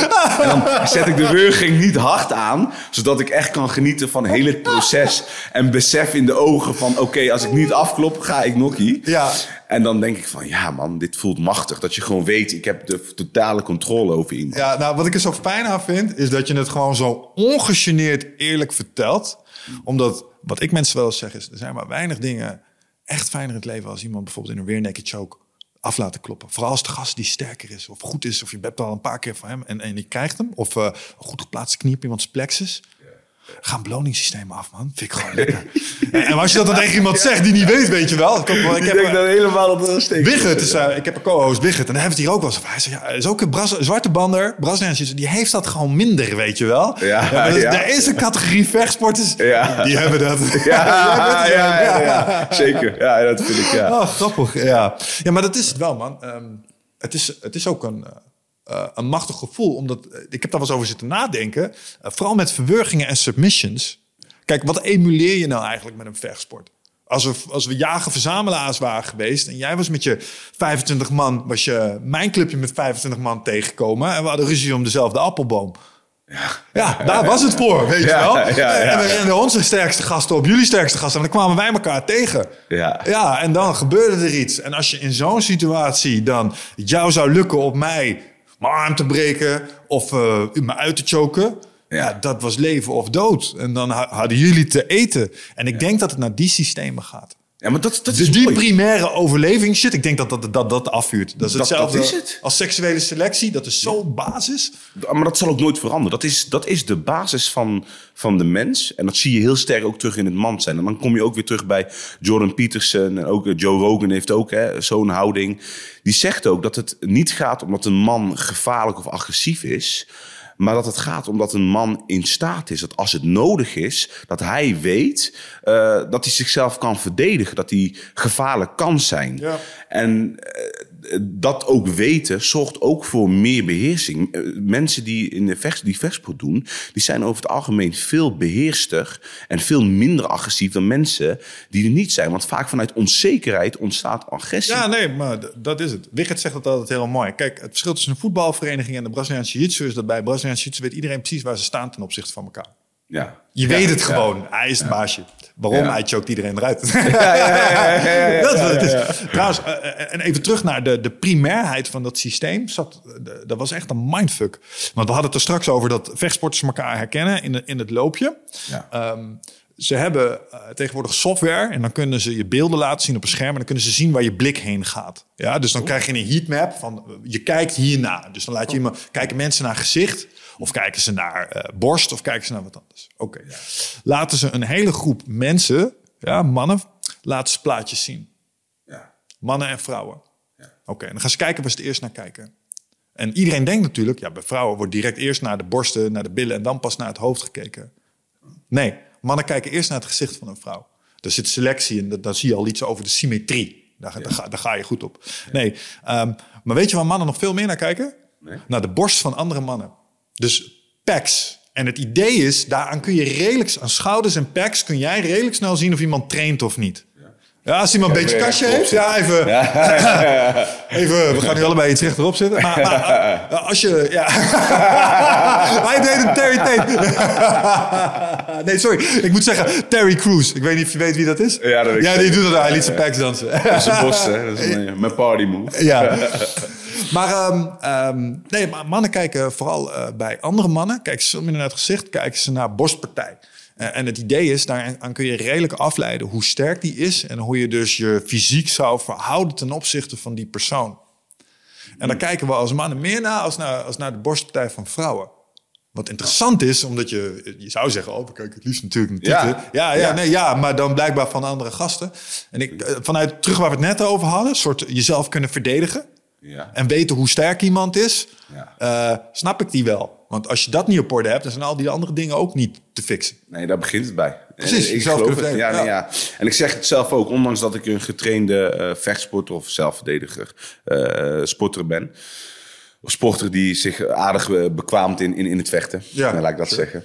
Die, ook, ook ik merk als iemand fysiek groter is eh, eh, dan ik ben, of die eh, la- flink langer is, dan ben ik ook gelijk alert. Dan, dan ben ik me heel tijd bewust van die persoon in een ruimte. En dat is niet per se onzekerheid, maar dat is meer dat ik, dat ik, ja, dat ik toch wil weten als er iets gebeurt, dat ik op die persoon af kan gaan. Je bent En op je hoede. Ik ben op mijn hoede. Ja, je hebt, zo, je hebt zojuist je doelen geprioriteerd, zeg maar. Ja, nee, maar dat en als zo. de shit eraan gaat, dan weet je wat je gaat uitvoeren. Exact. Ik heb dit, eh laatste keer dat ik dit fysiek aan de lijve ondervonden was met de meneer die we hier, waar we het er net over hadden. Dat was met Alistair. Ja. Hij stapte uit, jongen. Hij was en ik merkte meteen, ik voel me ongemakkelijk, man. Ik heb ook een trainingsverleden met hem en ik weet hoe de, zeg maar, de, dat is kansloos. Maar eh, ik merkte direct in mijn hele zijn van, ik, ik ben een beetje, en hij was, be- ging aan op sommige onderwerpen, vooral de politiek. Ik merkte gewoon, ik voel me een beetje, ik wil hier tegenin gaan graag, maar ik, ik moet wel even een drempeltje over hier, iets fysieks. En ik ben niet bang aangelegd en ik weet zeker, het zou nooit iets fysieks worden, maar het zat er toch onbewust. dat, dat is zo. Eh, sommige mensen dragen dat weer anders dan anderen. Sommige fysiek grote mensen, die dragen dat ook een beetje om zich heen. Van, hé, met mij moet je niet fokken. Ja, nee, sure. Weet je wel, maar eh, kijk, bij mij zie je vaak een groot contrast. Je ziet mij, in eerste instantie denk je van, oh, weet je wel, of, of het is een crimineel. Dus als ik gewoon in mijn normale modus loop met mijn baardje, dan denken ze van, eh, oeh, dat is een gevaarlijke gast, daar moet ik voor oppassen. Moment dat ik iemand aanspreek en ik begin te praten en ik doe een glimlach, dan denken ze, oh, dan zijn ze helemaal verbouwereerd van, oh, wacht, ik moet even verwerken dat dit, mijn eerste eh, indruk klopt niet. Zuidelijk accent helpt daar trouwens ontzettend bij, wil ik wel even zeggen. Ja, toch? Ja, ja, ja, zeg dat, het meest, Ja. ja. dat zegt dat het het meest eh, zacht en sexy accentje is van Nederland. Ja, nou ja, de- Een beetje zuidelijk. Het ontwapent onmiddellijk. ja, oké. nee, maar dat is wel mooi. En, maar, maar, maar je merkt wel dat als je in situaties zit waarin het, niet, waarin het praten niet echt te pas komt. Dus je bent in de fitness of je bent in de gym. Dan merk ik wel dat mensen, dat hoor ik dan achteraf via via. Dat zeggen ze van, ja, die Roy Meijer, die, die Roy die is toch wel arrogant. Maar dat komt puur omdat ze zich geïntimideerd voelen. Dat, dat, dat ik rondloop daar hè, en dat ik niet met mensen praat. Dus als ik dan rondloop, en ik ben natuurlijk een vechter... dus ik heb niet een onzeker loopje... maar het is mijn borst naar voren, eh, rechtop, kin, eh, kin eh, vooruit... dan loop ik soms te herstellen van mijn rondjes... en dan denk ik, ja, dat is een arrogante gast. Maar dat is bij heel veel mensen juist dat, dat primaire... dat ze zich bedreigd voelen. En als ik dan niet ontwapenend ben... dus als mensen die of gespierd of groter zijn... niet extreem glimlachen of extreem vriendelijk zijn... krijgen ze al snel die stempel van hè, die persoon Ja, ja, is arrogant... Of, of die denkt dat hij beter is of bla bla bla. Maar dat komt vaak vanuit onzekerheid van andere mensen. Ja. Dat zie je. En daarom zie je ook eh, vrij regelmatig dat juist mensen die vanaf jongs af aan al groter waren of sterker waren, dat dat mensen zijn die eh, zich veel vriendelijker eh, en kwetsbaarder gaan gedragen. Dan zie je hele grote reuzen, maar dat zijn eigenlijk dus de meest zachte mensen, omdat zij zich heel erg be- bewust zijn geweest tijdens hun op, opgroeien dat ze een bepaalde impact hebben op anderen. Daardoor maken ze zichzelf kleiner om een ander niet tot last te zijn. EVR. Grote vriendelijke. Grote vriendelijke Ja, ja, Nee, ja dat, dat zie je vrij regelmatig. Ja. Iets wat ik trouwens nog wel wil toevoegen, want ik denk dat ik me ook schuldig heb gemaakt aan wat je zojuist omschrijft. Eh, dat mensen ah, je loopt altijd wel een beetje nors eh, door, die, eh, door die sportschool. Eh, je hebt een bepaald loopje. En wat ik dan altijd denk van, ja, maar je kan ook niet meekijken in mijn playlist. Oh, als je mij mee zou kijken, Precies. dan zou je echt zo de gym uitrennen. Want deze gast die gaat dingen doen zo dadelijk Ja, nee, nee. goed Dus, zijn. dus dat, want, eh, en, dat, eh, en ik denk dat we daar misschien ook wel op een, eh op eenzelfde ding zijn. Want ik hoorde, ja, ik heb een eh, paar interviews van jou zitten kijken. Eh, eentje bij Day One. En daar hoorde ik je iets zeggen. En toen had ik de rest van de video al gekeken. Van ja, luister ik op mijn headset, luister naar hip-hop en rap. Eh, en ik luister ook veel naar hip-hop en rap. En ik merk dat als we het hebben over de vibe waar we het daar straks over hadden, dat de muziek die ik luister, als je het hebt over vechtlust bijvoorbeeld, mijn playlist bepaalt hoe ik het ga doen op de mat straks. Ja. Soms. Ja, Nou, wou ik het even met je over hebben. Want ik vind dat echt een, onderschatte, een onderschat instrument in effectsorteren, training. Eh, eh, niet alleen training, maar ook in het leven muziek. ja. Dus kan, kun je iets vertellen over muziek, de rol in je leven en wat het voor je doet? Muziek is, is, is een, een, methode, het is een, een, taal, een communicatie die al sinds oudsher bestaat. Sinds, eh, sinds dat er mensen zijn, is er, is er ritme, is er muziek. Omdat dat een, een, een, diepgaande invloed heeft op, jou, op, je, op je lichaam, op je systeem. Je ziet zelf dat als je muziek speelt bij water, dat, dat het water bepaalde patronen krijgt. Als je bepaalde tonen speelt. Dus, dus het bloed en, en, en het, gaat, het gaat ver. Als je een mens klassiek muziek luistert of rustige muziek, dan zal een mens wat rustiger worden en kalmer. Maar als je agressieve muziek uh, luistert, zoals uh, hardcore of, of, of uh, extreme hip-hop, dan zal een persoon ook geactiveerder raken of agressiever worden. En op het moment dat ik een wedstrijd heb, ga ik vechten. Dus ik wil juist een bepaalde agressie, een bepaalde activatie, een bepaalde adrenaline voelen. En het lukt mij niet altijd, hè, met jetlag of, of, of door spanningen, om die adrenaline en agressie op te roepen. Maar muziek helpt me daar ontzettend bij. Mm. En het heeft op iedereen invloed. Uh, iemand die geneigd is vaak uh, veelal rustige muziek te luisteren. En die gaat agressieve muziek luisteren. Die voelt zich niet op zijn of haar gemak. Die wil het liefst dat iemand het muziek uitdoet. Omdat hij of zij voelt dat het een bepaalde effect gaat sorteren in zijn of haar systeem. Mm -hmm. die, wil dat, die wil dat niet accepteren. Omdat het zoveel invloed heeft.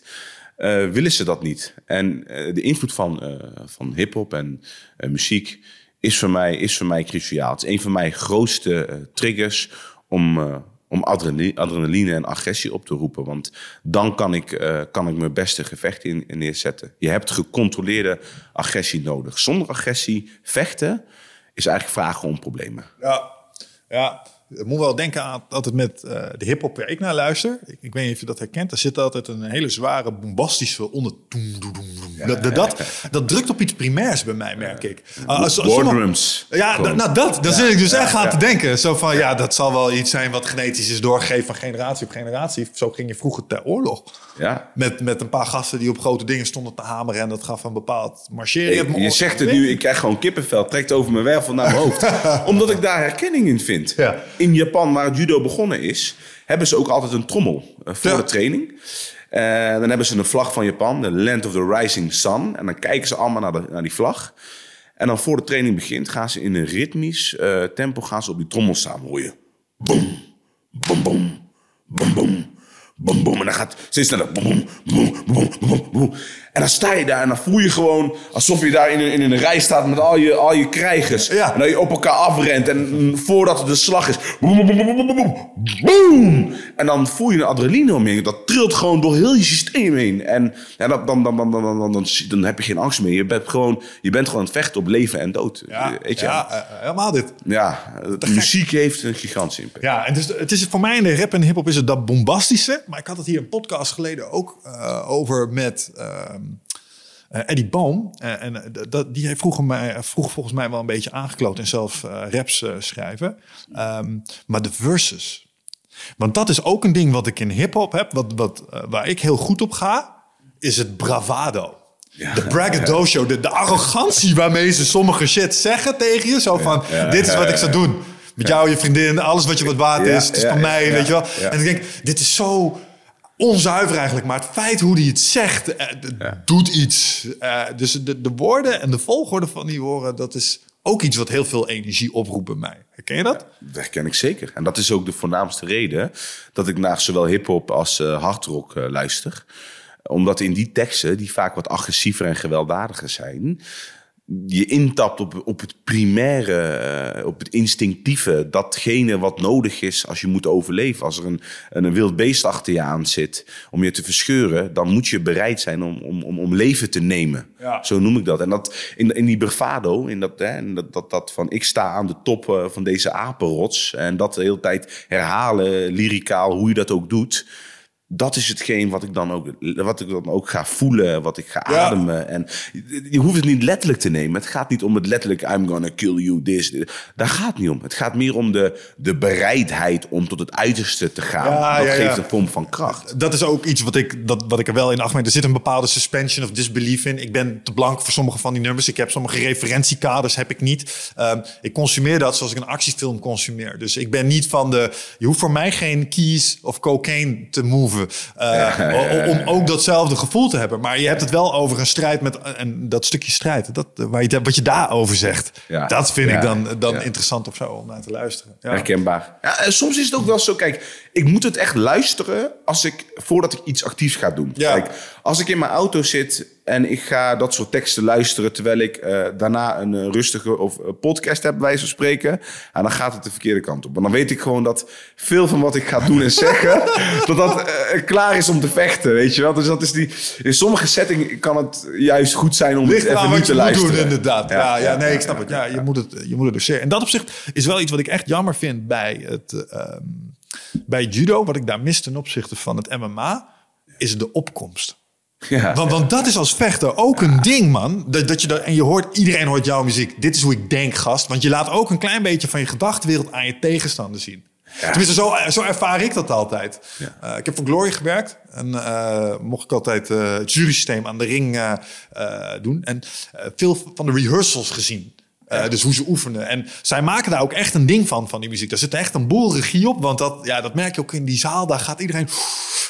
Maar eigenlijk is het praten tegen je tegenstander, die opkomsttracks. Ja, ja, de, ik, ben, ik voel je. Ik, eh, ik vind het ook jammer. Bij het judo wordt het heel weinig gedaan. En Gebeurt wel. Het gebeurt, het gebeurt wel, maar het gebeurt alleen bij eh, de gevechten om de medailles. Dus niet in de voorrondes. Ja, oké. En eh, het is vaak algemeen muziek. Dus muziek eh, die voor alle... Dus we will, we will rock you.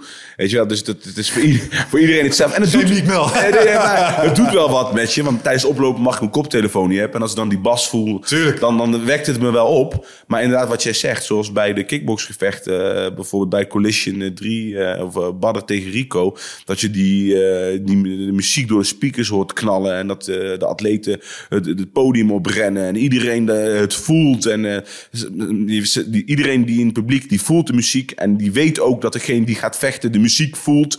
En dat creëert een bepaalde brug... waardoor jij ook zelf aan het vechten bent. Ja. Het maakt het tastbaar. En eh, dat zou in judo zou dat nog, nog meer moeten. Ik zelf vind het ook leuk als ik gewonnen heb om een dansje te doen. Ja. En op het moment dat jij een medaille hebt gewonnen, dat is het dan wel weer zo. Dan krijg je wel een muziekje waarvan jij die op een focuslijst hebt gezet. Dus dan Oh, gaat de DJ wel. wel, Ja. ja, Ja, ja, ja. een muziekje draaien.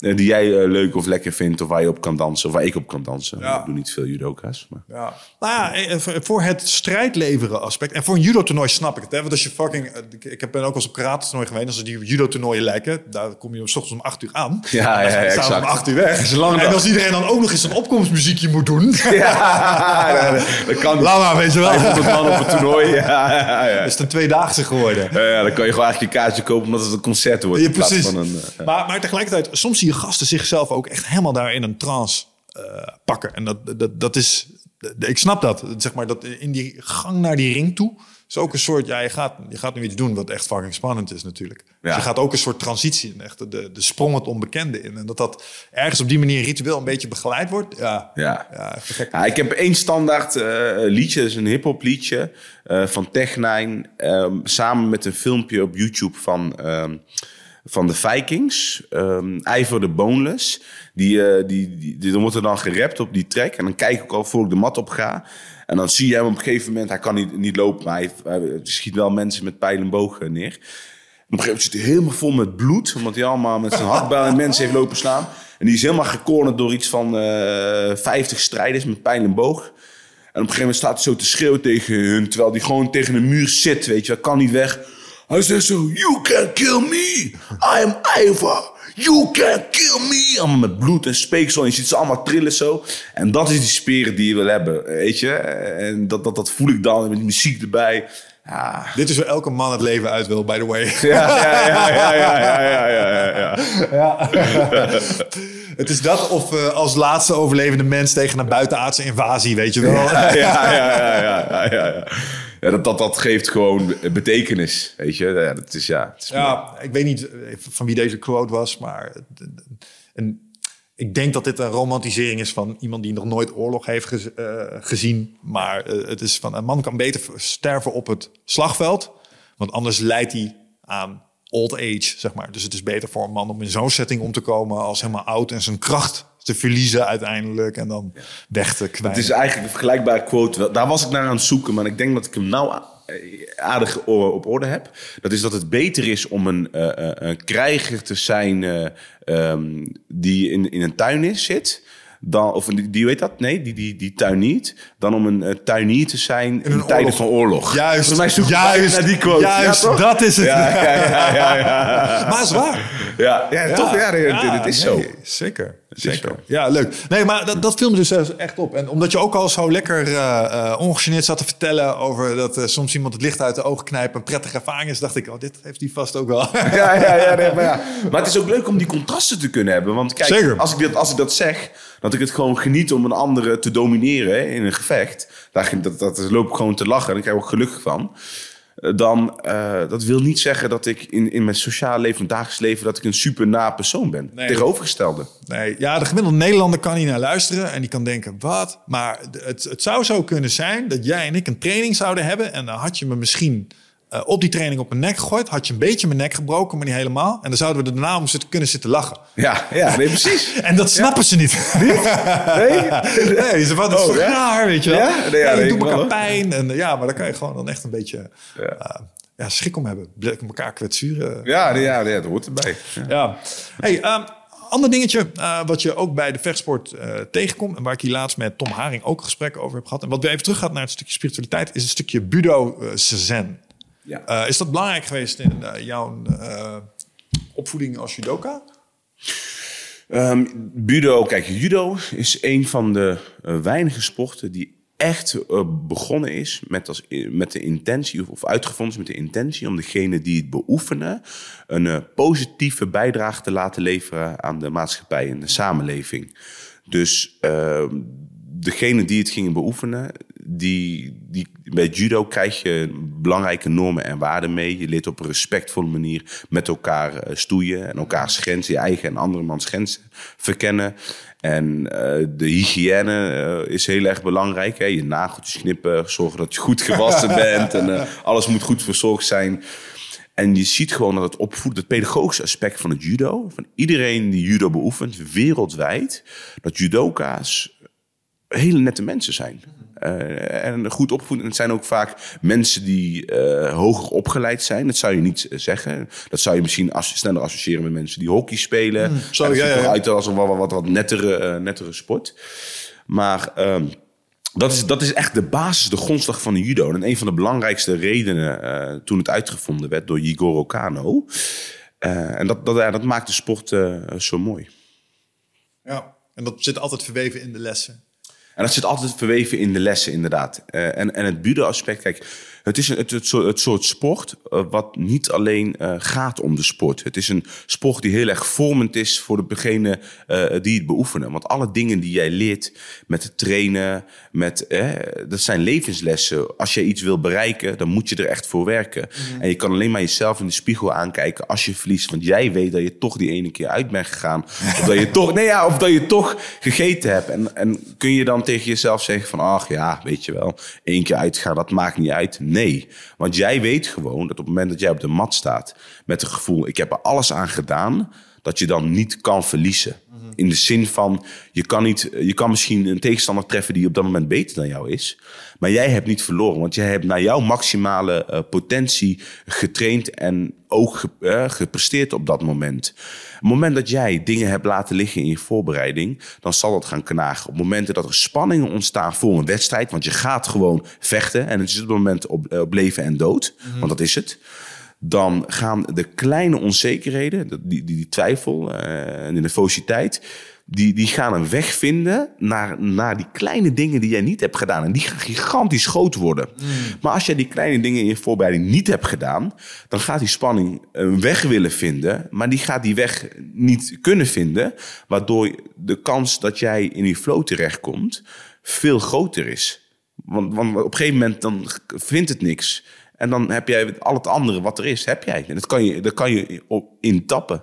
Ja, dus, eh, ja, dus door gedisciplineerd te zijn in je prep... eh, heb je eigenlijk gewoon geen demonen die aan je oor fluisteren... op het moment dat de druk erop gaat. Want als je die wel hebt, dan gaat het het zaad der twijfel kweken in je geest... en daar ga je last van hebben. Beter heb je niet die mentale lekken... want dan gaan energieknikkertjes naartoe. 100%.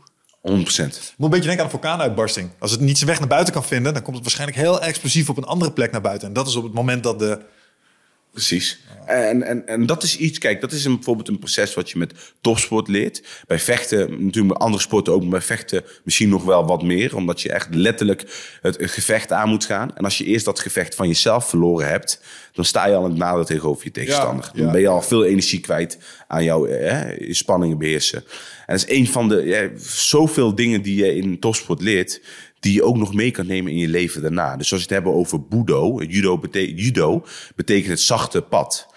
Uh, je leert op een, via judo leer jij eigenlijk uh, hoe jij in de rest van het leven ook succesvol kan zijn. Want die, uh, die dingen, die pas je ook, of die, hetgene wat je leert, dat pas je ook toe op andere vlakken als je succesvol wilt zijn. Ja. En daarom hebben, hè, hebben topsport en het zakelijk leven ook veel parallellen. Als je succesvol wilt zijn, dan uh, moet je doorzettingsvermogen hebben, moet je discipline hebben.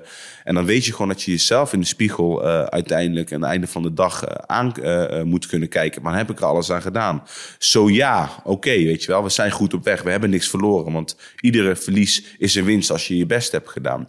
En zo nee, nou oké, okay, dan moet ik gewoon accepteren dat ik me minder goed voel op dit moment. Ja. En, het is, en, en ja, je neemt heel veel lessen van het judo, van de budo-sporten neem je gewoon mee in de rest van je leven. Het is heel vormend. Ja. Ik denk dat je Jocko ook wel kent. Jocko? Oh, Jocko wil... Ja, ja, tuurlijk. Freedom, dat, Ja, ja, ja. dat- Dat is eigenlijk wat je, wat je daar zegt. Dus uh, ja. te gek. En ehm, ehm, in, in het verlengde van, van de budo, ehm, wat mij altijd opviel aan eh, de Braziliaanse jiu-jitsu les, die eh, werd gegeven door Martijn de Jong, die kwam uit het Kyokushinkai en die hebben allemaal een bepaalde basis als het gaat om het inrichten van de les. Dus eh, er wordt netjes opgesteld. De matten zijn netjes, je staat er netjes bij, je band is goed geknupt. Eh, je staat opgesteld en eh, er is een riedel die we gewoon elke training even afdraaien met elkaar. Er worden wat Japanse dingen gezegd. Eh, en aan het eind van de training is altijd even zijn meditatie. Oké, toen kwam ik wat verderop in mijn vechtsportcarrière, kwam ik in een gespeeld kickbox gym terecht. Niks van dat. Niks. Handschoenen aan, opstellen, kom op. Weet je wel, op. Eh, en we gaan eh, nou, opwarmen, 1, 2 smaken bij elkaar op de dekking. Nou, en, eh, dat is het dan, weet je wel. ja, nee, ik, ik, ik, ik zelf, hè, ik ben natuurlijk judoka. Maar ik heb ook... eh, ik heb ook de hele tijd BJ gedaan. Eh, ik heb ook een tijdje gekickboxen Ja. en MMA-trainingen gedaan. Puur omdat ik het leuk vind, ook om mijn horizon te verbreden... en ook meer te begrijpen wat ik nou precies doe... en hoe dat zich verhoudt eh, tot andere vechtsporten. En natuurlijk om straks een gruwelijk huis te houden als je klaar bent binnen die Ja, ja, ja, ja, ja. Ik heb wel een zwart lijstje van mensen. Ja, ja, zo van. Waar ik nog wel eens een keer langs wil. Nee, maar, maar ik vind het gewoon fascinerend. En je merkt inderdaad dat, ehm, dat, dat bij, de, bij heel veel boedesporten... dat daar inderdaad veel aandacht aan besteed wordt. Vanaf het begin tot het einde. Dat is wat het is. Dus een stukje sazen, het groeten, respect naar je tegenstander... altijd even een handje geven. Ja. Ook als het gevecht heel vervelend was... en je stond elkaars gezicht door, door de muur heen te beuken... van spreken, geef toch altijd nog een handje. Ik bedoel, dat, dat is het begin en dat is het einde. En dat weet je. Daarom kun je ook ver gaan eh, met respect. Omdat je weet dat, die respect, dat respect is er. En soms ben ik ook op sportscholen inderdaad geweest... waarin er inderdaad is... Oh, wat een lul! En slaat die klootzak helemaal knock-out. eh, weet je wel. En niet, niet in de spanningssessie... maar dan visualiseren ze dan de tegenstander... maar dan met heel, heel, heel, heel hele zware woorden... en heel ja, heel tokkie-achtig. Eh, Dat, dat zie je bij sommige sporten wel wat meer dan andere. En dan denk ik me eigenlijk van ja, weet je wel, dat moedigt niet positieve groei aan op andere vlakken van het leven. En dat zie je bij boedesporten wel meer. En om een beetje het parallel te trekken tussen het, eh, het meditatieve, het sasen, dus op je knieën zitten, wat een meditatiehouding is in, in Japan. Ehm, dat, dat is, ja, vind, vind ik wel mooi. Want, want meditatie is mijn medicatie. Ik, ik ben op jonge leeftijd gediagnosticeerd met ADHD. Sterker nog, ze gaven er nog een sausje op. En ze noemden het ADHD extreem. Ja, heel cool. Luister, Ja. je bent niet alleen stuk, jij bent extra stuk. ja, ja, maar dat, dat is het. Dat, dat, dat, dat kreeg ik mee op hele jonge leeftijd. Lekker dan. En bedankt jongens. ja, en daar moest ik tegen opboksen. En ja, ik heb, ik heb echt gewoon heel mijn jeugd heb ik, ben ik volgepropt met allerlei medicatie. eh, Ritalin, eh Dipiperon, Risperdal. En, en, noem maar op. Hele, hele mikmak heb ik gekregen op jonge leeftijd. Maar ik heb altijd het gevoel van verzet gehad. Van, weet je wel, er is alles, van alles mis met mij. En als ik dit en dat niet krijg, dan functioneer ik niet. Dus ook weer een afhankelijkheid van iets. En daar heb ik altijd een soort weerstand tegen gevoeld. Dus ik zei op een gegeven moment tegen hun van... ik heb helemaal geen ADHD. Van, wat is dit voor onzin? Ja. In die periode dat ik ging lezen, spiritualiteit... en dat ik ook ging mediteren. En in, in, in- toen het moment dat ik zei van ik heb geen ADHD en ik ging mediteren. In een half jaar periode hebben ze vrijwel geen symptomen eh, gezien van ADHD. Eh, gewoon in niks van wat ik deed. Eh, leren, gedrag. En toen zei ze van, oh ja, je ADHD is in remise. Ik zeg van onzin. Ik heb nooit ADHD gehad. Het is gewoon een stempeltje die jullie hebben gegeven aan mij. Om eh, mijn e- energielevel die ik had in combinatie met een, een, een verstoord leven. eh, dat zorgde voor een bepaalde gedragingen die jullie in het hokje ADHD stopten. Maar ik vind dat ik het nooit heb gehad. Nou, toen was het in remise, hoefde ik mijn medicatie niet meer. Maar meditatie is uiteindelijk mijn medicatie geworden. En ja, dat, vind ik wel, wel mooi dat dat vaak in eh, een grondslag ligt eh, van, van budo's. Van het budosport. Gewoon in je rust komen, het erkennen. Nou ga ik een mat op, ik kom in een andere situatie. Wat zijn de belangrijke normen en waarden? Respect. En dan ga je een aandacht naar jezelf. Hoe voel ik me nu? Zodat ga ik vechten. En dan groet je. En dan begin je. Weet je? Dus je hebt altijd weer even een reflectiemoment. Met je aandacht naar binnen gaan. Wat doe ik hier? En als ik straks afgroet, dan ga ik, eh, ga ik weg. En dan ga ik ook niet die energie die ik heb opgedaan... of de kennis die ik heb opgedaan... straks buiten de mat gebruiken. Die is belangrijk. in Is heel belangrijk. Ja, ja, ja. ja. Ik kan me nog herinneren, dat is altijd hoe we het afgesloten bij ons in de judoles. Dit wordt niet op straat gebruikt. Dit is voor hier op de mat eh, of in zelfverdediging. Dus straks niet op je oma oefenen. Nee, Dat nee, was nee, nee, ja, ja, grapje. ja. Niet op je Deden oma. we overigens wel allemaal Ja, natuurlijk. oma, hè. kom eens. Hey. ja, ja, ja, ja. Ik kan me nog herinneren dat ik, eh, dat ik vroeger zo gefascineerd was, werd, was eh, door hetgeen ik leerde. En ik wou alles. Hè. Ik wou Mm. op jonge leeftijd kunnen boogschieten. Ik wou kunnen mes werpen. Ik wou atoombommen kunnen maken. Echt. Je niet. Eh, Wie niet? Eh, ik, ik probeerde het ook allemaal. We komen nu trouwens met de podcast op een bijzonder lijstje nu je dit zojuist hebt Oh? Maar we- Oh shit. Ja, ja. Oh nee, kan je het nog knippen? Nee, het is, eh, Nee, ja, ze hadden geen uranium, dus Ja, ik, ja. Moest, ik moest het doen met het kruidenkastje van mijn moeder. En, het- en het meswerpen overigens, dat, dat beperkte zich tot een aardappelschilmesje. En mijn moeder was vriendelijk genoeg om tegen de poort te staan. Ja. En ik ja, heb het niet geraakt overigens, dus eh, dat ging wel goed. Nee, maar weet je, ik, ik, ben, ik ben ontzettend gefascineerd. Vooral als het gaat om skills opdoen waar ik, wat, eh, waar ik als, als persoon wat aan heb. Dus ik ben niet direct afhankelijk van anderen of van materiaal. Want je hebt overal wel je, je handen eh, ter beschikking. Of een mes ter beschikking om te kunnen werpen. Boogschieten is dan natuurlijk weer wat anders. Maar ik vind het heerlijk om mijn skills uit te breiden. Dat als ik ergens eh, uit een vliegtuig zou vallen op een onbewoond eiland. Dat ik weet hoe ik moet vissen. Dat ik weet Ja, hoe ik moet jagen. Gek, Iemand ja. valt me aan. Dat ik weet hoe ik me moet verdedigen. Ja, dat, dat, dat draag je met je. Ik heb, ik heb zo'n pet peeve dat als ik hier vuur maak voor mezelf, dat ik het wel met mijn tondel doe. Ja, Dus eh, even de, even de juiste dingen bij elkaar, de dennenhuis, alles gewoon zodat je gewoon met, je, met een paar vonken van zo'n magnesiumschaaf dat je het voor elkaar krijgt. Ja. Eh, dat vind ik kicken. Eh, en dan voel ik me echt helemaal het mannetje. Ik voel je. Ik heb, ik heb een sleutel hangen. Ik heb hem nu al in mijn auto liggen. Daar heb ik altijd inderdaad zo'n eh, een, een tondeldoosje bij. Ja. Er zit een, eh, een mesje, een zakmesje aan en een zak. Ik wil in iedere situatie wil ik, wil ik voorbereid zijn en, en dingen kunnen. Ja, dat is, ja, herken ik. Misschien is zo'n... eh, die, een aantal van die special forces dudes die we hier hebben gehad, Sander Aarts en zo. Die Sander, ja, ja, ja. ja, die doen van dat soort eh, 12 uur rotaties waarbij ze volgens mij mensen... 12 ook Hour dat Evolution. Ja, Evolution. dat is het. Dit soort dingen Unbreakable eh, Academy. Juist. Ja, ja. juist, juist. Ik, eh, ik ga dat ook zo. Ik liet echt een vette boel. Ik weet niet hoort. Nee, dat is- Nee, oké. maar pardon. Nee, ik, eh, dat doet hij. En ik ga er ook een keer meedoen. En misschien een keer eh, samen eh, met hem een instructie, eh, of instructies geven. Van, ook een beetje vanuit mijn basis. En Ja. Dat, dat trekt mij aan. Ik heb natuurlijk ook meegedaan met, met Special Forces eh VIP's. Ja. En ah, dat was... Ik kan me weinige periodes in mijn leven herinneren dat ik gelukkiger was dan daar. De, me- de meeste mensen of deelnemers, kandidaten aan dergelijke programma's zouden zeggen dat, het, eh, hè, dat, dat, ze, dat, dat ze het heel erg veel van geleerd hebben, maar dat ze het nooit meer zouden doen. Ja. Hè, want het zwaar was of intensief. Maar dat is de plek waar ik echt tot leven kom. Dat het, het, het, het pelt, noodgedwongen dan wel. Dat is weer een stukje gedwongen waar we het in het begin over hadden. Ja. Van een moeten. Maar daar eh, moet je eigenlijk jouw ego, jouw masker eh, aflaten. En echt hetgeen, hetgeen wat overblijft, jouw karakter, dat moet gaan spreken. Om te kunnen overleven, om te kunnen blijven functioneren. Maar anders breek je. En in, in hun geval ga je dood.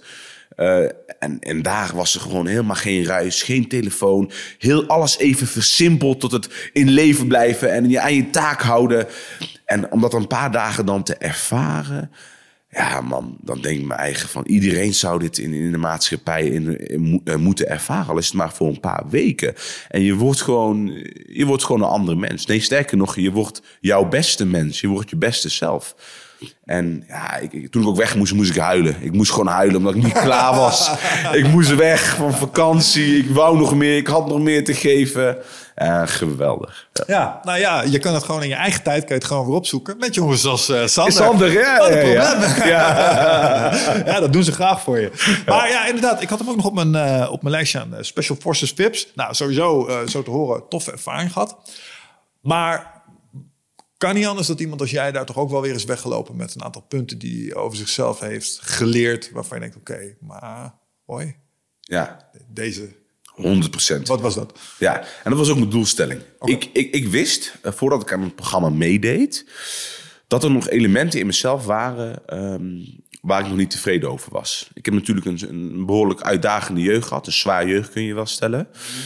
En dat heeft zijn sporen nagelaten. Het heeft natuurlijk eh, trauma's veroorzaakt.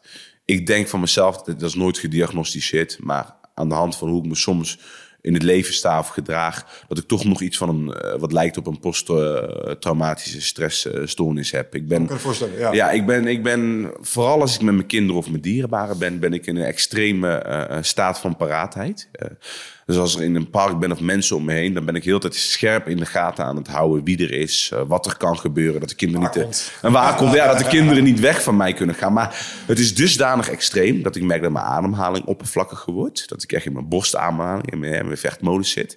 Maar dat ik ook veel korter ben en chagrijniger. Omdat ik moet kunnen concentreren op gevaar en niet op hetgeen wat er gebeurt. Ik kan ook mijn kinderen niet loslaten als ze echt aan het spelen zijn met andere kinderen. Want wat als er wat gebeurt? En dat, dat, dat, merk ik dan soms. En denk van, ja, dat, dat, dan, dan komt dat dan denk ik toch vanuit mijn jeugd. Want ik zelf een onveilige jeugd heb gehad.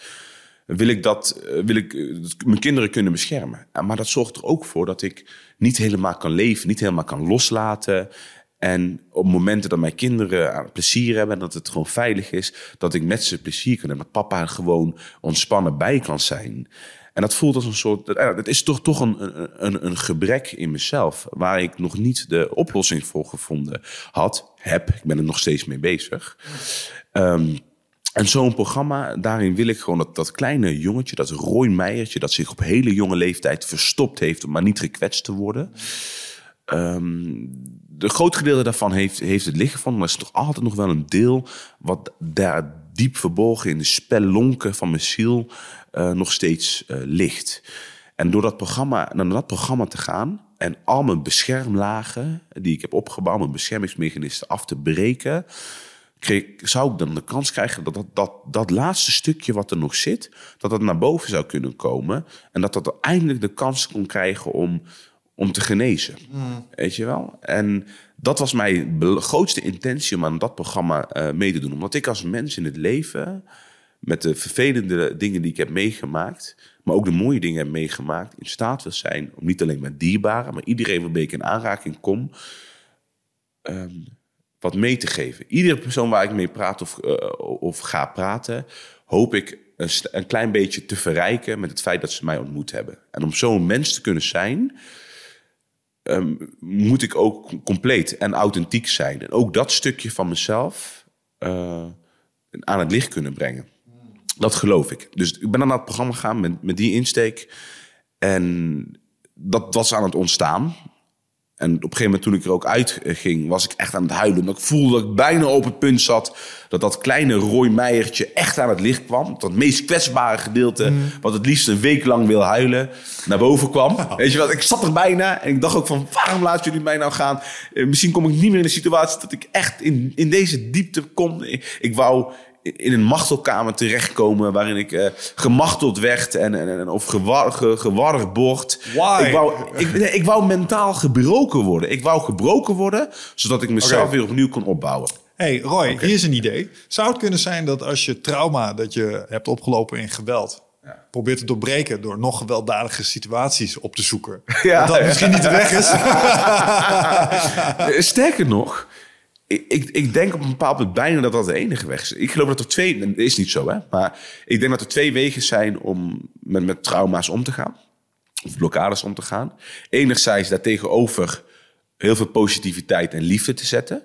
Dus op het moment dat jij in een veilige omgeving bent opgegroeid, maar je hebt nu een veilige omgeving opgebouwd, dan kan, kan het gevoel ontstaan, nou ben, voel ik me veilig genoeg om het los te laten. Want mijn meest kwetsbare gedeelte wordt opgevangen. En er is heel veel veranderd in mij. En nogmaals, een groot gedeelte van dat, dat kleine rooi meisje is naar het licht gekomen en het heeft genezing gevonden. Alleen dat laatste deel, dat zit daar toch nog zo hardnekkig, dat zelfs uh, liefde en veiligheid uh, niet genoeg is om helemaal naar boven te laten komen. en dan moet je een extreme manier hebben, boef, om daarin te knallen. Maar wel wetende dat als hij dan naar boven komt, omdat hij moet komen, dat er toch veiligheid is. Maar de eerste fase, het doorprikken van die bubbel, dat, dat kan voor mijn gevoel alleen maar met nog meer trauma. Hmm, interessant. Um, weet je hoe Sander dit doet? Nee. Sander die spreekt daar in deze podcast uh, best wel uh, ook uh, uitvoeren. Want die heeft natuurlijk ook best wel dingen gezien die een nadruk, nou, een indruk op zijn ziel hebben gemaakt, laat maar zo zeggen. psychedelische middelen. Met hoe? Psychedelische middelen. Ja? DMT. Ja, hebben MDMA, DMT, psilocybine hebben allemaal aantoonbare uh, ja, genezing klinkt zo zwaar, maar het, het, het, het helpt mensen met posttraumatisch stresssyndroom om de ervaring beter uh, te kunnen plaatsen, relativeren en inderdaad uh, te laten genezen. Ja. Ik heb zelf ook een hele sterke ayahuasca-ervaring gehad waarbij het iets deed met het alcoholisme van mijn moeder. Ja. Um, en uh, Kijk, het gevoel wat ik. Wat ik en, en, en, misschien bemoei ik me met dingen waar ik gewoon mijn mond over moet houden. Maar um, het voelt zo alsof je de kleine rooi aan het opjagen bent. Dus die verstopt zich in de splonken van je ziel. Maar dat ja. doet hij niet zomaar. En, dat, en, jouw strategie is, is erachteraan met een team Special Forces. ja, ja, Terwijl, misschien kunnen we hem lokken, weet je wel. ja, ja, ja. ja, En, en, ik weet dat psychedelische middelen. Uh, want je had het over liefde en veiligheid. Uh, maar die zetten liefde in maar zoals een goede heelmeester dat doet. Dat is niet per definitie pijnloos. Uh, dus het laat je gewoon naar de trauma's gaan waar, je, waar je moet zitten. Nee, nee, hier wil ik het niet over hebben. Hier gaan we het over hebben. Ja. Fuck. En dan laat het je dingen zien, dan krijg je inzichten en zo. En um, ja, ik moest daar even aan denken, omdat je, omdat je natuurlijk Sander ook kent. En Sander hier ook gewoon echt ver, vertelt over hoe sommige van die ervaringen met DMT hem uh, ja, daar anders naar hebben laten kijken. En sommige van die dingen toch. Uh, Loslaten is nooit helemaal de juiste term. Anders hebben leren vasthouden. Ja, maar dat vind ik dus ook heel interessant wat je nu zegt. Want ook een stukje trauma. Uh, mijn trauma's zijn veroorzaakt door heel veel verschillende situaties. Trauma op trauma op trauma op trauma. Ja. Uh, van van uh, geweld tot inderdaad ehm, geweld zien. Denken dat je moeder doodgaat. Denken dat je zelf ziekenhuis inkomt. Um, omgevingen waar je in verkeert met gevaar en geweld ja, en criminaliteit. Sure. Uh, maar ook inderdaad dat je, uh, dat je moeder niet goed tegen alcohol kan. En dat je vader al behoorlijk los is met de handen. Waardoor je je nog minder veilig voelt. Want je enige veiligheidsnet die je hebt is dan niet meer betrouwbaar. En dat heeft mij een extreme, uh, extreem weerstand opgeroepen. Om niet afhankelijk te zijn van externe middelen. In de zin van omdat ik van een jongs af aan het gevoel heb gehad... mijn moeder uh, is zichzelf niet... omdat ze er niet goed tegen kan, tegen alcohol. Oh zo, ja, ja, ja. En, en daar, ja, voel ik me niet nee. fijn, daar voel ik me niet fijn bij. Dus ik, ik heb al bijna... Ik heb al bijna, als ik mijn vriendin regelmatig koffie zie drinken... om op te kunnen uh, staan... dat ik haar keer op keer bij haar erin hamer... koffie is een druk. Het maskeert je vermoeidheid... maar je lichaam is eigenlijk vermoeid. Ja. Dus eigenlijk uh, ben je afhankelijk van iets... wat jouw natuurlijke ritme verandert... En als het dan aankomt op het gebruik van drugs of van uh, softdrugs of, of pillen of andere dingen, dan heb ik bijna een soort van angst, weet je wel, van alles wat je ook via je lichaam in de natuur kan, moet je altijd als eerste proberen, tenzij de situatie zo extreem is dat je echt op een eindpunt zit. Er is ook volgens mij een, een, een documentaire over een jongen die zware depressies heeft en die uiteindelijk naar de andere kant van de wereld, naar de tropen rijdt, om volgens ayahuasca of ik weet Ayahuasca, niet, ja. ayahuasca te gebruiken, omdat het echt het laatste redmiddel is. En ik ben iemand, ik ben ontzettend open-minded en ik wil alles verkennen. Dus eh, als het, een, als het voor veel mensen verlichting biedt en werkt, is dat ook iets wat ik op het moment dat ik het niet op mijn eigen manier kan doen en toch voel van hé, hey, ik sta in het leven en ik wil alles van mezelf aan anderen en aan mijn dierbaren geven, maar het lukt me niet alleen of het lukt me niet op deze manier, mm. dan is dat iets wat ik zeker zou verkennen. Alleen dan moet ik ook weer over dat mini-traumaatje van Dat ik ook heb gezien Ja. dat andere mensen een afhankelijkheid Tuurlijk. creëren van externe middelen. Ja, maar alcohol is wel... eh, want over alcohol kan ik meepraten. Dat Ja. is wel een apart monster. Dat is wel, ja. Dat is een apart ding. En, Ja. eh, en wat, nog eens, wat ook nog eens zo is, is dat... eh, kijk, alcohol creëert een zucht naar meer alcohol. ja. Eh, als jij een zware truffeltrip hebt gedaan... of je hebt je ayahuasca-ceremonie... dan is het volgend weekend weer... Nee. Ik heb het twee keer gedaan, sindsdien Echt? nooit meer. Niet? nee. Tenzij je net als ik de Special Forces methode gebruikt om je, Ja, nou ja, je kind ik, te vinden. ik, ik weet wanneer ik het weer opnieuw zou doen. En dat Ja. is de dag dat ik te horen krijg dat ik terminaal ben. Oké. Omdat ik ben heel bang voor de dood. En het, het, het helpt je heel erg met angst voor de dood. Dus ik heb nu, ik ben, ik ben twee keer in ayahuasca en Sarah trip ingegaan. Daar heb ik huiswerk gekregen. Ja. Nu teruggaan zou voelen als om een tweede portie vragen. Zonder dat ik mijn huiswerk heb gedaan. Dus ik heb nog genoeg te doen vanuit die ervaringen. Ja. Ehm, maar eh, op, het moment, op de dag dat ik hoor, je hebt niet meer voor altijd te leven. En we weten nu, het is ongeveer nog zo lang. Dat zou ik een heel angstig moment vinden. En dan zou ik het weer gaan opzoeken. Want Oké. ik, ja, want ik heb het, toen ik het gedaan heb, heb ik echt, eh, toen heb ik er ook actief, echt actief op gemediteerd. Van ben ik nou bang om dood te gaan? Nee, gast, je gaat daar straks. Want je voelde echt alsof je eh, ergens anders bent. Ja, maar Ja. Wat, wat, wat, wat, wat creëert het voor je? Creëert het, maakt het iets open waardoor jij verder kan groeien dan je eigenlijk, als je je plafond zeg maar hebt bereikt? Maar als, Ja, wat het? het, het verschilt per eh, psychedelisch middel wat je gebruikt. Dus als je bijvoorbeeld ayahuasca gebruikt, is heel visueel. Eh, heel veel vuurwerk. Dus eh, je ziet allemaal gekke dingen die je normaal gesproken niet, niet ziet. Je weet wel, ik ben gewoon een gooi en ik zit hier op een matje met een emmetje tussen mijn benen, want ik kan er een beetje ziek van worden, weet je wel. Uh, maar je ziet wel dingen waarvan je denkt, wat de fuck is dit? Uh, dat, is, dat is best wel uh, bijzonder. Maar wat het eigenlijk doet, is alle bullshit eruit halen. Want als jij met jezelf praat over dingen, ja. er zijn allerlei stemmetjes. Ja. En nu krijg je een soort rechtstreekse verbinding met de meest volwassen versie van jezelf. Mm. En die gaat gewoon dingen tegen je vertellen. Van, hey Mies, nog even over dat alcoholisme van je moeder. Hè? Ja. Je, je, neemt jezelf dat kwalijk, hè? Dat je haar niet hebt kunnen redden. Oké, okay, ja, kom, kom hier, kom. Dit is hoe het voelt op haar. Wap. En dan wow, voel je hoe het is, is dat, om... Is dat echt? Zo gaat dat. En dan nee. voel je hoe het is om... Ah oh, shit, ik word wakker. Ik wil, ik wil drinken, ik wil drinken, ik wil drinken, ik wil drinken, ik wil drinken. Echt non-stop. Ja? Daar, daar kon ze niet tegen vechten. Snap je het nu? Bizar. Is dat echt zo? Ja, dat is echt zo. Snap je wow. het nu? En dan, en dan ineens ga je een bocht om en dan klik. Dus ik had er niet kunnen redden. Ik hou me... Ik ja. ben iets... Oh, het was haarwerk. Is, is, dat, is dat... Ik kan me niet voorstellen dat dat, dat een soort... Openen dat dan een soort van onderbewuste empathie die je ik normaal niet... Het, ik wist het al, ja. rationeel. Maar ik kon er nog niet gevoelsmatig bij. Ken je dat? Dat je iets rationeel Zeker. weet, maar je krijgt je vinger er niet helemaal achter nog qua gevoel. Dus het zit nog niet in je hart. Toen ja. zat het even in mijn hart. Dus toen kon ik voelen hoe het was om alcoholist te zijn. En toen dacht ik, oh ja, oké. Okay. Want ze hebben mij wel verteld, het is een ziekte. Maar als je dat, ja, leuk, maar je kunt ja. ook gewoon stoppen met drinken. Ja, nee, nee, nee, nee. Dit is hoe dat voelde. Oh, ze was echt ziek. Het geeft je eigenlijk een soort van ervaring. Want kennis zonder ervaring heb je heel weinig aan als je wilt groeien. Dat is, het, het geeft je een, een stukje empathie uh, en een stukje uh, perspectief vooral erop. Ja. Uh, heb je er alles over na? En zo vriendelijk gaat het. Heb je er alles over nagedacht? Ja.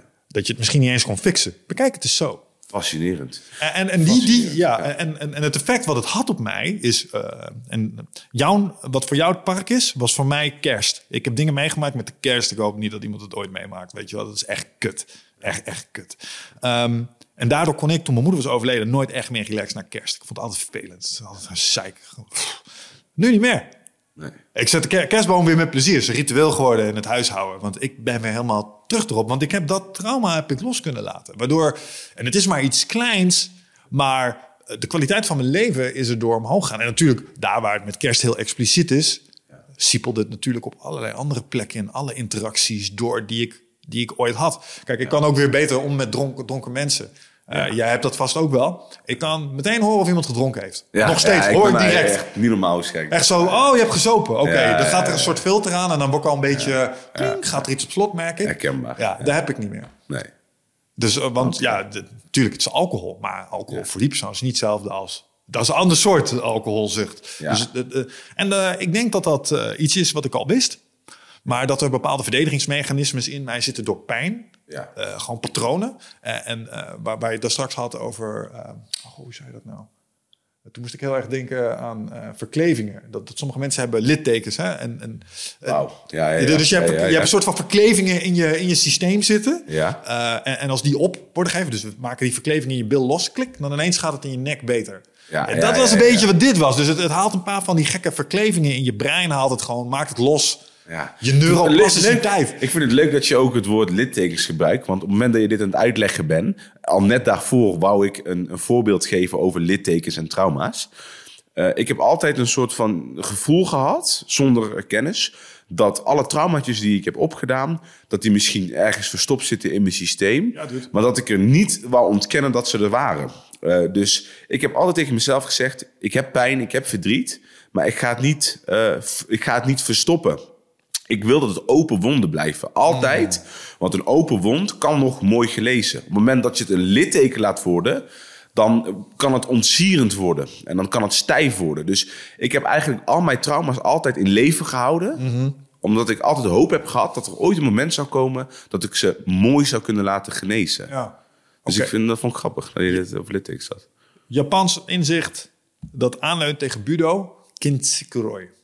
Dus een Japanse filosofie. Dat, Eindigt op rooi, hoor ik dat goed? Ja, dat shit die kapot valt, dat is goed. Dus als een, als een vaas in scherven valt, kun je hem weggooien, maar je kan hem ook weer in elkaar zetten. Maar als je hem dan in elkaar zet, lijm hem dan met goud op daar waar die gebroken is. Wow. Dat geeft hem karakter. Daar krijg je de mooiste kunstwerken van. Nee, nee, een, een vaas die gevallen is, heeft een leven gehad. Dus dat, dat maakt hem tot die vaas. En dat vind ik, dat is hoe ik nu kijk naar mijn eigen uh, trauma's. Ik ben in stukken gevallen, maar ik heb mezelf wel weer in elkaar gelijmd. Maar ik heb het met goud gedaan. Dus het ziet er mooi uit. Ik kan, ik kan het ook inderdaad lelijke littekens laten worden. Ja, ja, ja. ja. Maar zachte heel meestal stinkende monden. Dus je, je kan Ja, er ja. op die manier naar kijken. Dus eh, ja, Ik, ik, herken het. En ook een heel mooi voorbeeld wat je, wat je zegt. Kijk, een vaas is per definitie kwetsbaar. En een mens is per definitie kwetsbaar. Dus op het moment dat je daarna herstelt, zou in je hoofd kunnen opkomen van ja, maar is het daarna niet altijd kwetsbaarder? Het is altijd kwetsbaar geweest. Wij mensen zijn altijd Ja, al. kwetsbaar. Fysiek, geestelijk, emotioneel, mentaal, noem maar op. En op het moment dat je er dan iets mooiers van kan maken, van die kwetsbaarheid. Ja, prachtig. Ja, ja. ik- want, wat dat want, betreft- want hij is de tweede keer even stuk als je hem laat vallen. ja, ja, ja.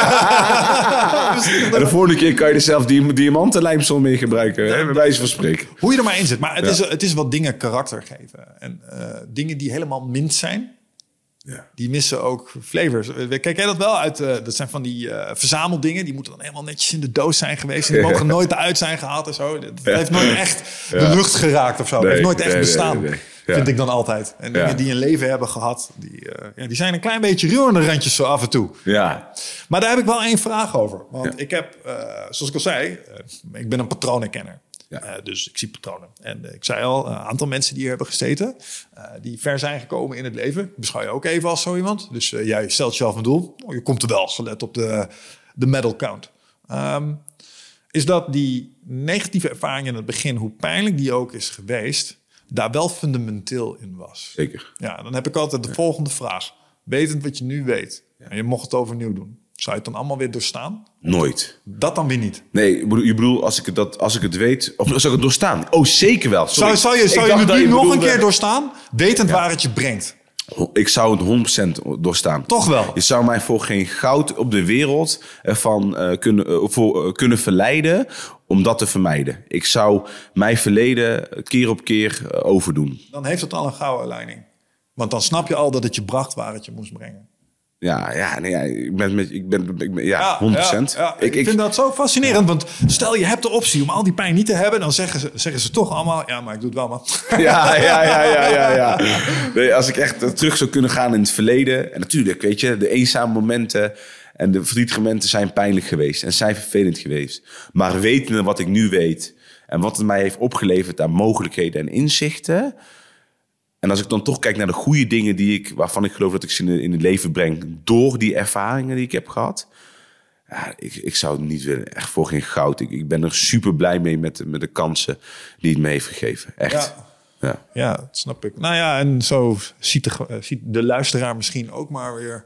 ehm cheer up kid, shit ain't so bad. Je, je, kan, je, je kan jezelf zo af en toe in situaties vinden dat je denkt, jezus, hoe dan? En waarom ik in godsnaam? Ja. Ja, Eh, nee. En zo heb jij je waarschijnlijk ook gevoeld. Heb ik. Ja. Ja, het is, het is een story of my, eh, of my life. Weet je? En, en juist ook door die dieptepunten te hebben bereikt, heb ik ook minder ehm, vrees over het leven zelf. Ik ga gewoon alles maximaal aan. Want de dieptepunten die ik heb bereikt in mijn jeugd, in mijn verleden, erger dan dat wordt het niet. Eh, zo, zo zie ik het. Ja. En ik weet eh, wat het me heeft, wat, wat, wat het heeft vrijgemaakt. Het heeft een bodem gecreëerd in mij die zoveel groter en dieper is, waardoor ik zoveel meer kan hebben. Eh, en ik heb er ook, daardoor heb ik ook veel meer leren waarderen eh, wat mooi is in het leven. Ik kan naar een bloemetje kijken en in, in tranen uitbarsten, omdat ik de schoonheid ervan kan Ja. waarderen. Top. En eh, ja, weet je, ik gun iedereen, het klinkt heel erg raar, maar ik gun iedereen een moeilijk verleden. Ja. Of op zijn minst één keer iets in je leven waar je gewoon, ja, het klinkt namelijk zeggen, maar eh, toch een trauma van oploopt. Ja. Je moet het keer gewoon, je moet gewoon echt een keer met de kin op de borst, Ja. op je tandvlees ergens doorheen zijn gegaan. Anders zul je nooit eh, geleefd hebben of leven. Ja, en anders waardeer je ook niet wat er aan de overkant ligt. Exact. En dat is het ook. Ja, En dat is het ook. Alright, man. Ehm, Roy, we naderen wat mij betreft eh, een klein beetje het einde van dit gesprek. Maar ik had het gevoel dat we rustig nog wat langer hadden kunnen Ik zou nog een paar uur door kunnen ja, gaan. nou, Ja, ik ook. Dus, ehm, bij deze sowieso de uitnodiging om nog een keer terug te komen. Niet in de laatste plaats, omdat we het eigenlijk nog helemaal niet hebben gehad over boogschieten. Waar, Oh we, waar ik het ook nog even over wilde hebben. En ik zei al, we zijn hier een baan aan het aanleggen. Dus als die hier ligt, neem je boog mee. En dan gaan we hier eh, voor of na de volgende podcast gaan we eventjes eh, een paar pijlen schieten. Leuk. Ehm, hartstikke leuk. Ik heb alleen nog wel iets. Ik heb eh, een paar vragen gekregen via Instagram. En Ja. daar vond ik een aantal vond ik echt leuk van. Dus die wil ik heel eventjes eh, erbij pakken. Even tegen je aanhouden. Ehm, eentje moest ik echt heel erg eh, om lachen. Even kijken.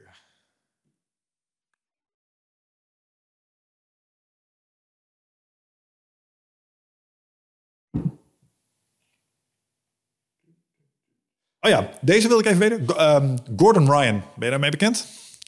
Gordon Ryan, de naam eh, ringt een belletje. Jiu-Jitsuka. Eh, wacht eventjes, wacht even. Dus, dit, dat is niet een donkere jongen, toch? Mij niet. Niet. Oké, dan denk ik het niet. Zegt je niks. Oké, never mind. Ehm, oh, deze hebben we gehad, deze hebben we gehad. We hebben het goed gedaan. We hebben, er, we hebben ze allemaal gehad. Oh, deze. Ja, deze, deze is volgens mij van Wigert. Wigert is mijn co-host normaal gesproken. Ook zwarte banden, Braziliaans Jiu-Jitsuka. Inzetten of overnemen. Oeh. En wat bedoelen we hiermee? Even misschien goed voor de luisteraar die niet judoot. Oh ja, inzet of even overnemen. Inzetten is zelf het initiatief nemen om, een, om iemand op de grond te gooien. Of eh, eh, te wachten. En als iemand jou probeert te gooien, die andere dan heel mooi eh, overnemen. Door dat goed te timen, dat hij of zij op zijn rug valt. Ja. Ehm, ja, dat is echt een hele goede vraag. Want vaak zijn overnames het meest spectaculair. Omdat er een bepaalde spanningsboog in zit. Die langer duurt dan als je een inzet of een aanval maakt. Ik ga toch inzetten eh, zeggen. Of eh, dus, dus, dus het initiatief nemen. Ja. Want ik vind het gewoon heel, heel heerlijk dat alles aan mij ligt. Dus dat ik niet afhankelijk ben van de inzet of, of energie van een ander. Maar als ik bepaal, you're going down, motherfucker. Ja. Then you're going down. Wij laten dingen gebeuren hier. Ja, het is niet bij de Ja, gratie ja, van ja, jou ja, inzet of mijn plannetje wel of niet lukt. Exact. En ik denk dat dat een hele stevige positie is om in te nemen. Top. Goeie vraag om mee te eindigen. Dankjewel Wigert. Tof dat je er toch nog een beetje bij was. Ehm, voor de mensen die geïnspireerd zijn hierdoor en denken... hey, ik heb ook een beetje Roy Meijer nodig in mijn leven. Er zijn wat dingen die je eh, buiten het judo ook doet. Dus stel mensen zijn op zoek naar jou. Waar kunnen ze je vinden? Ja, ik denk dat ik het best benader ben via eh, DM eh, op Instagram. Roy Meijer Official. Dat vind ik het leuk om nog af en toe eh, te antwoorden op mensen die serieuze vragen hebben. Ja, als je trouwens je schuldig wil voelen over je eigen trainingsregime... zou ik me er vooral op abonneren. Ja. ik deel graag filmpjes over inderdaad mijn lifestyle Ja. trainingen. En ik probeer ook veel van wat ik doe uit te leggen. En Dat mijn volgers ook begrijpen, hey, ik doe dit hierom en daarom. En ik laat ze ook zien met wat voor andere mensen ik in aanraking kom. En dat vind ik interessant. Eh, ik denk dat dat eh, eh, de beste manier is om met mij in contact te komen. Alright, nou jongens, jullie hebben het gehoord. Eh, voeg hem toe op Instagram. Stuur me eens een berichtje over hoe tof je deze podcast vond. Roy, super bedankt dat je er wilde zijn. We gaan een nieuwe afspraak maken voor een volgende aflevering wat mij betreft. En voor de luisteraars, tot de volgende keer. Ciao.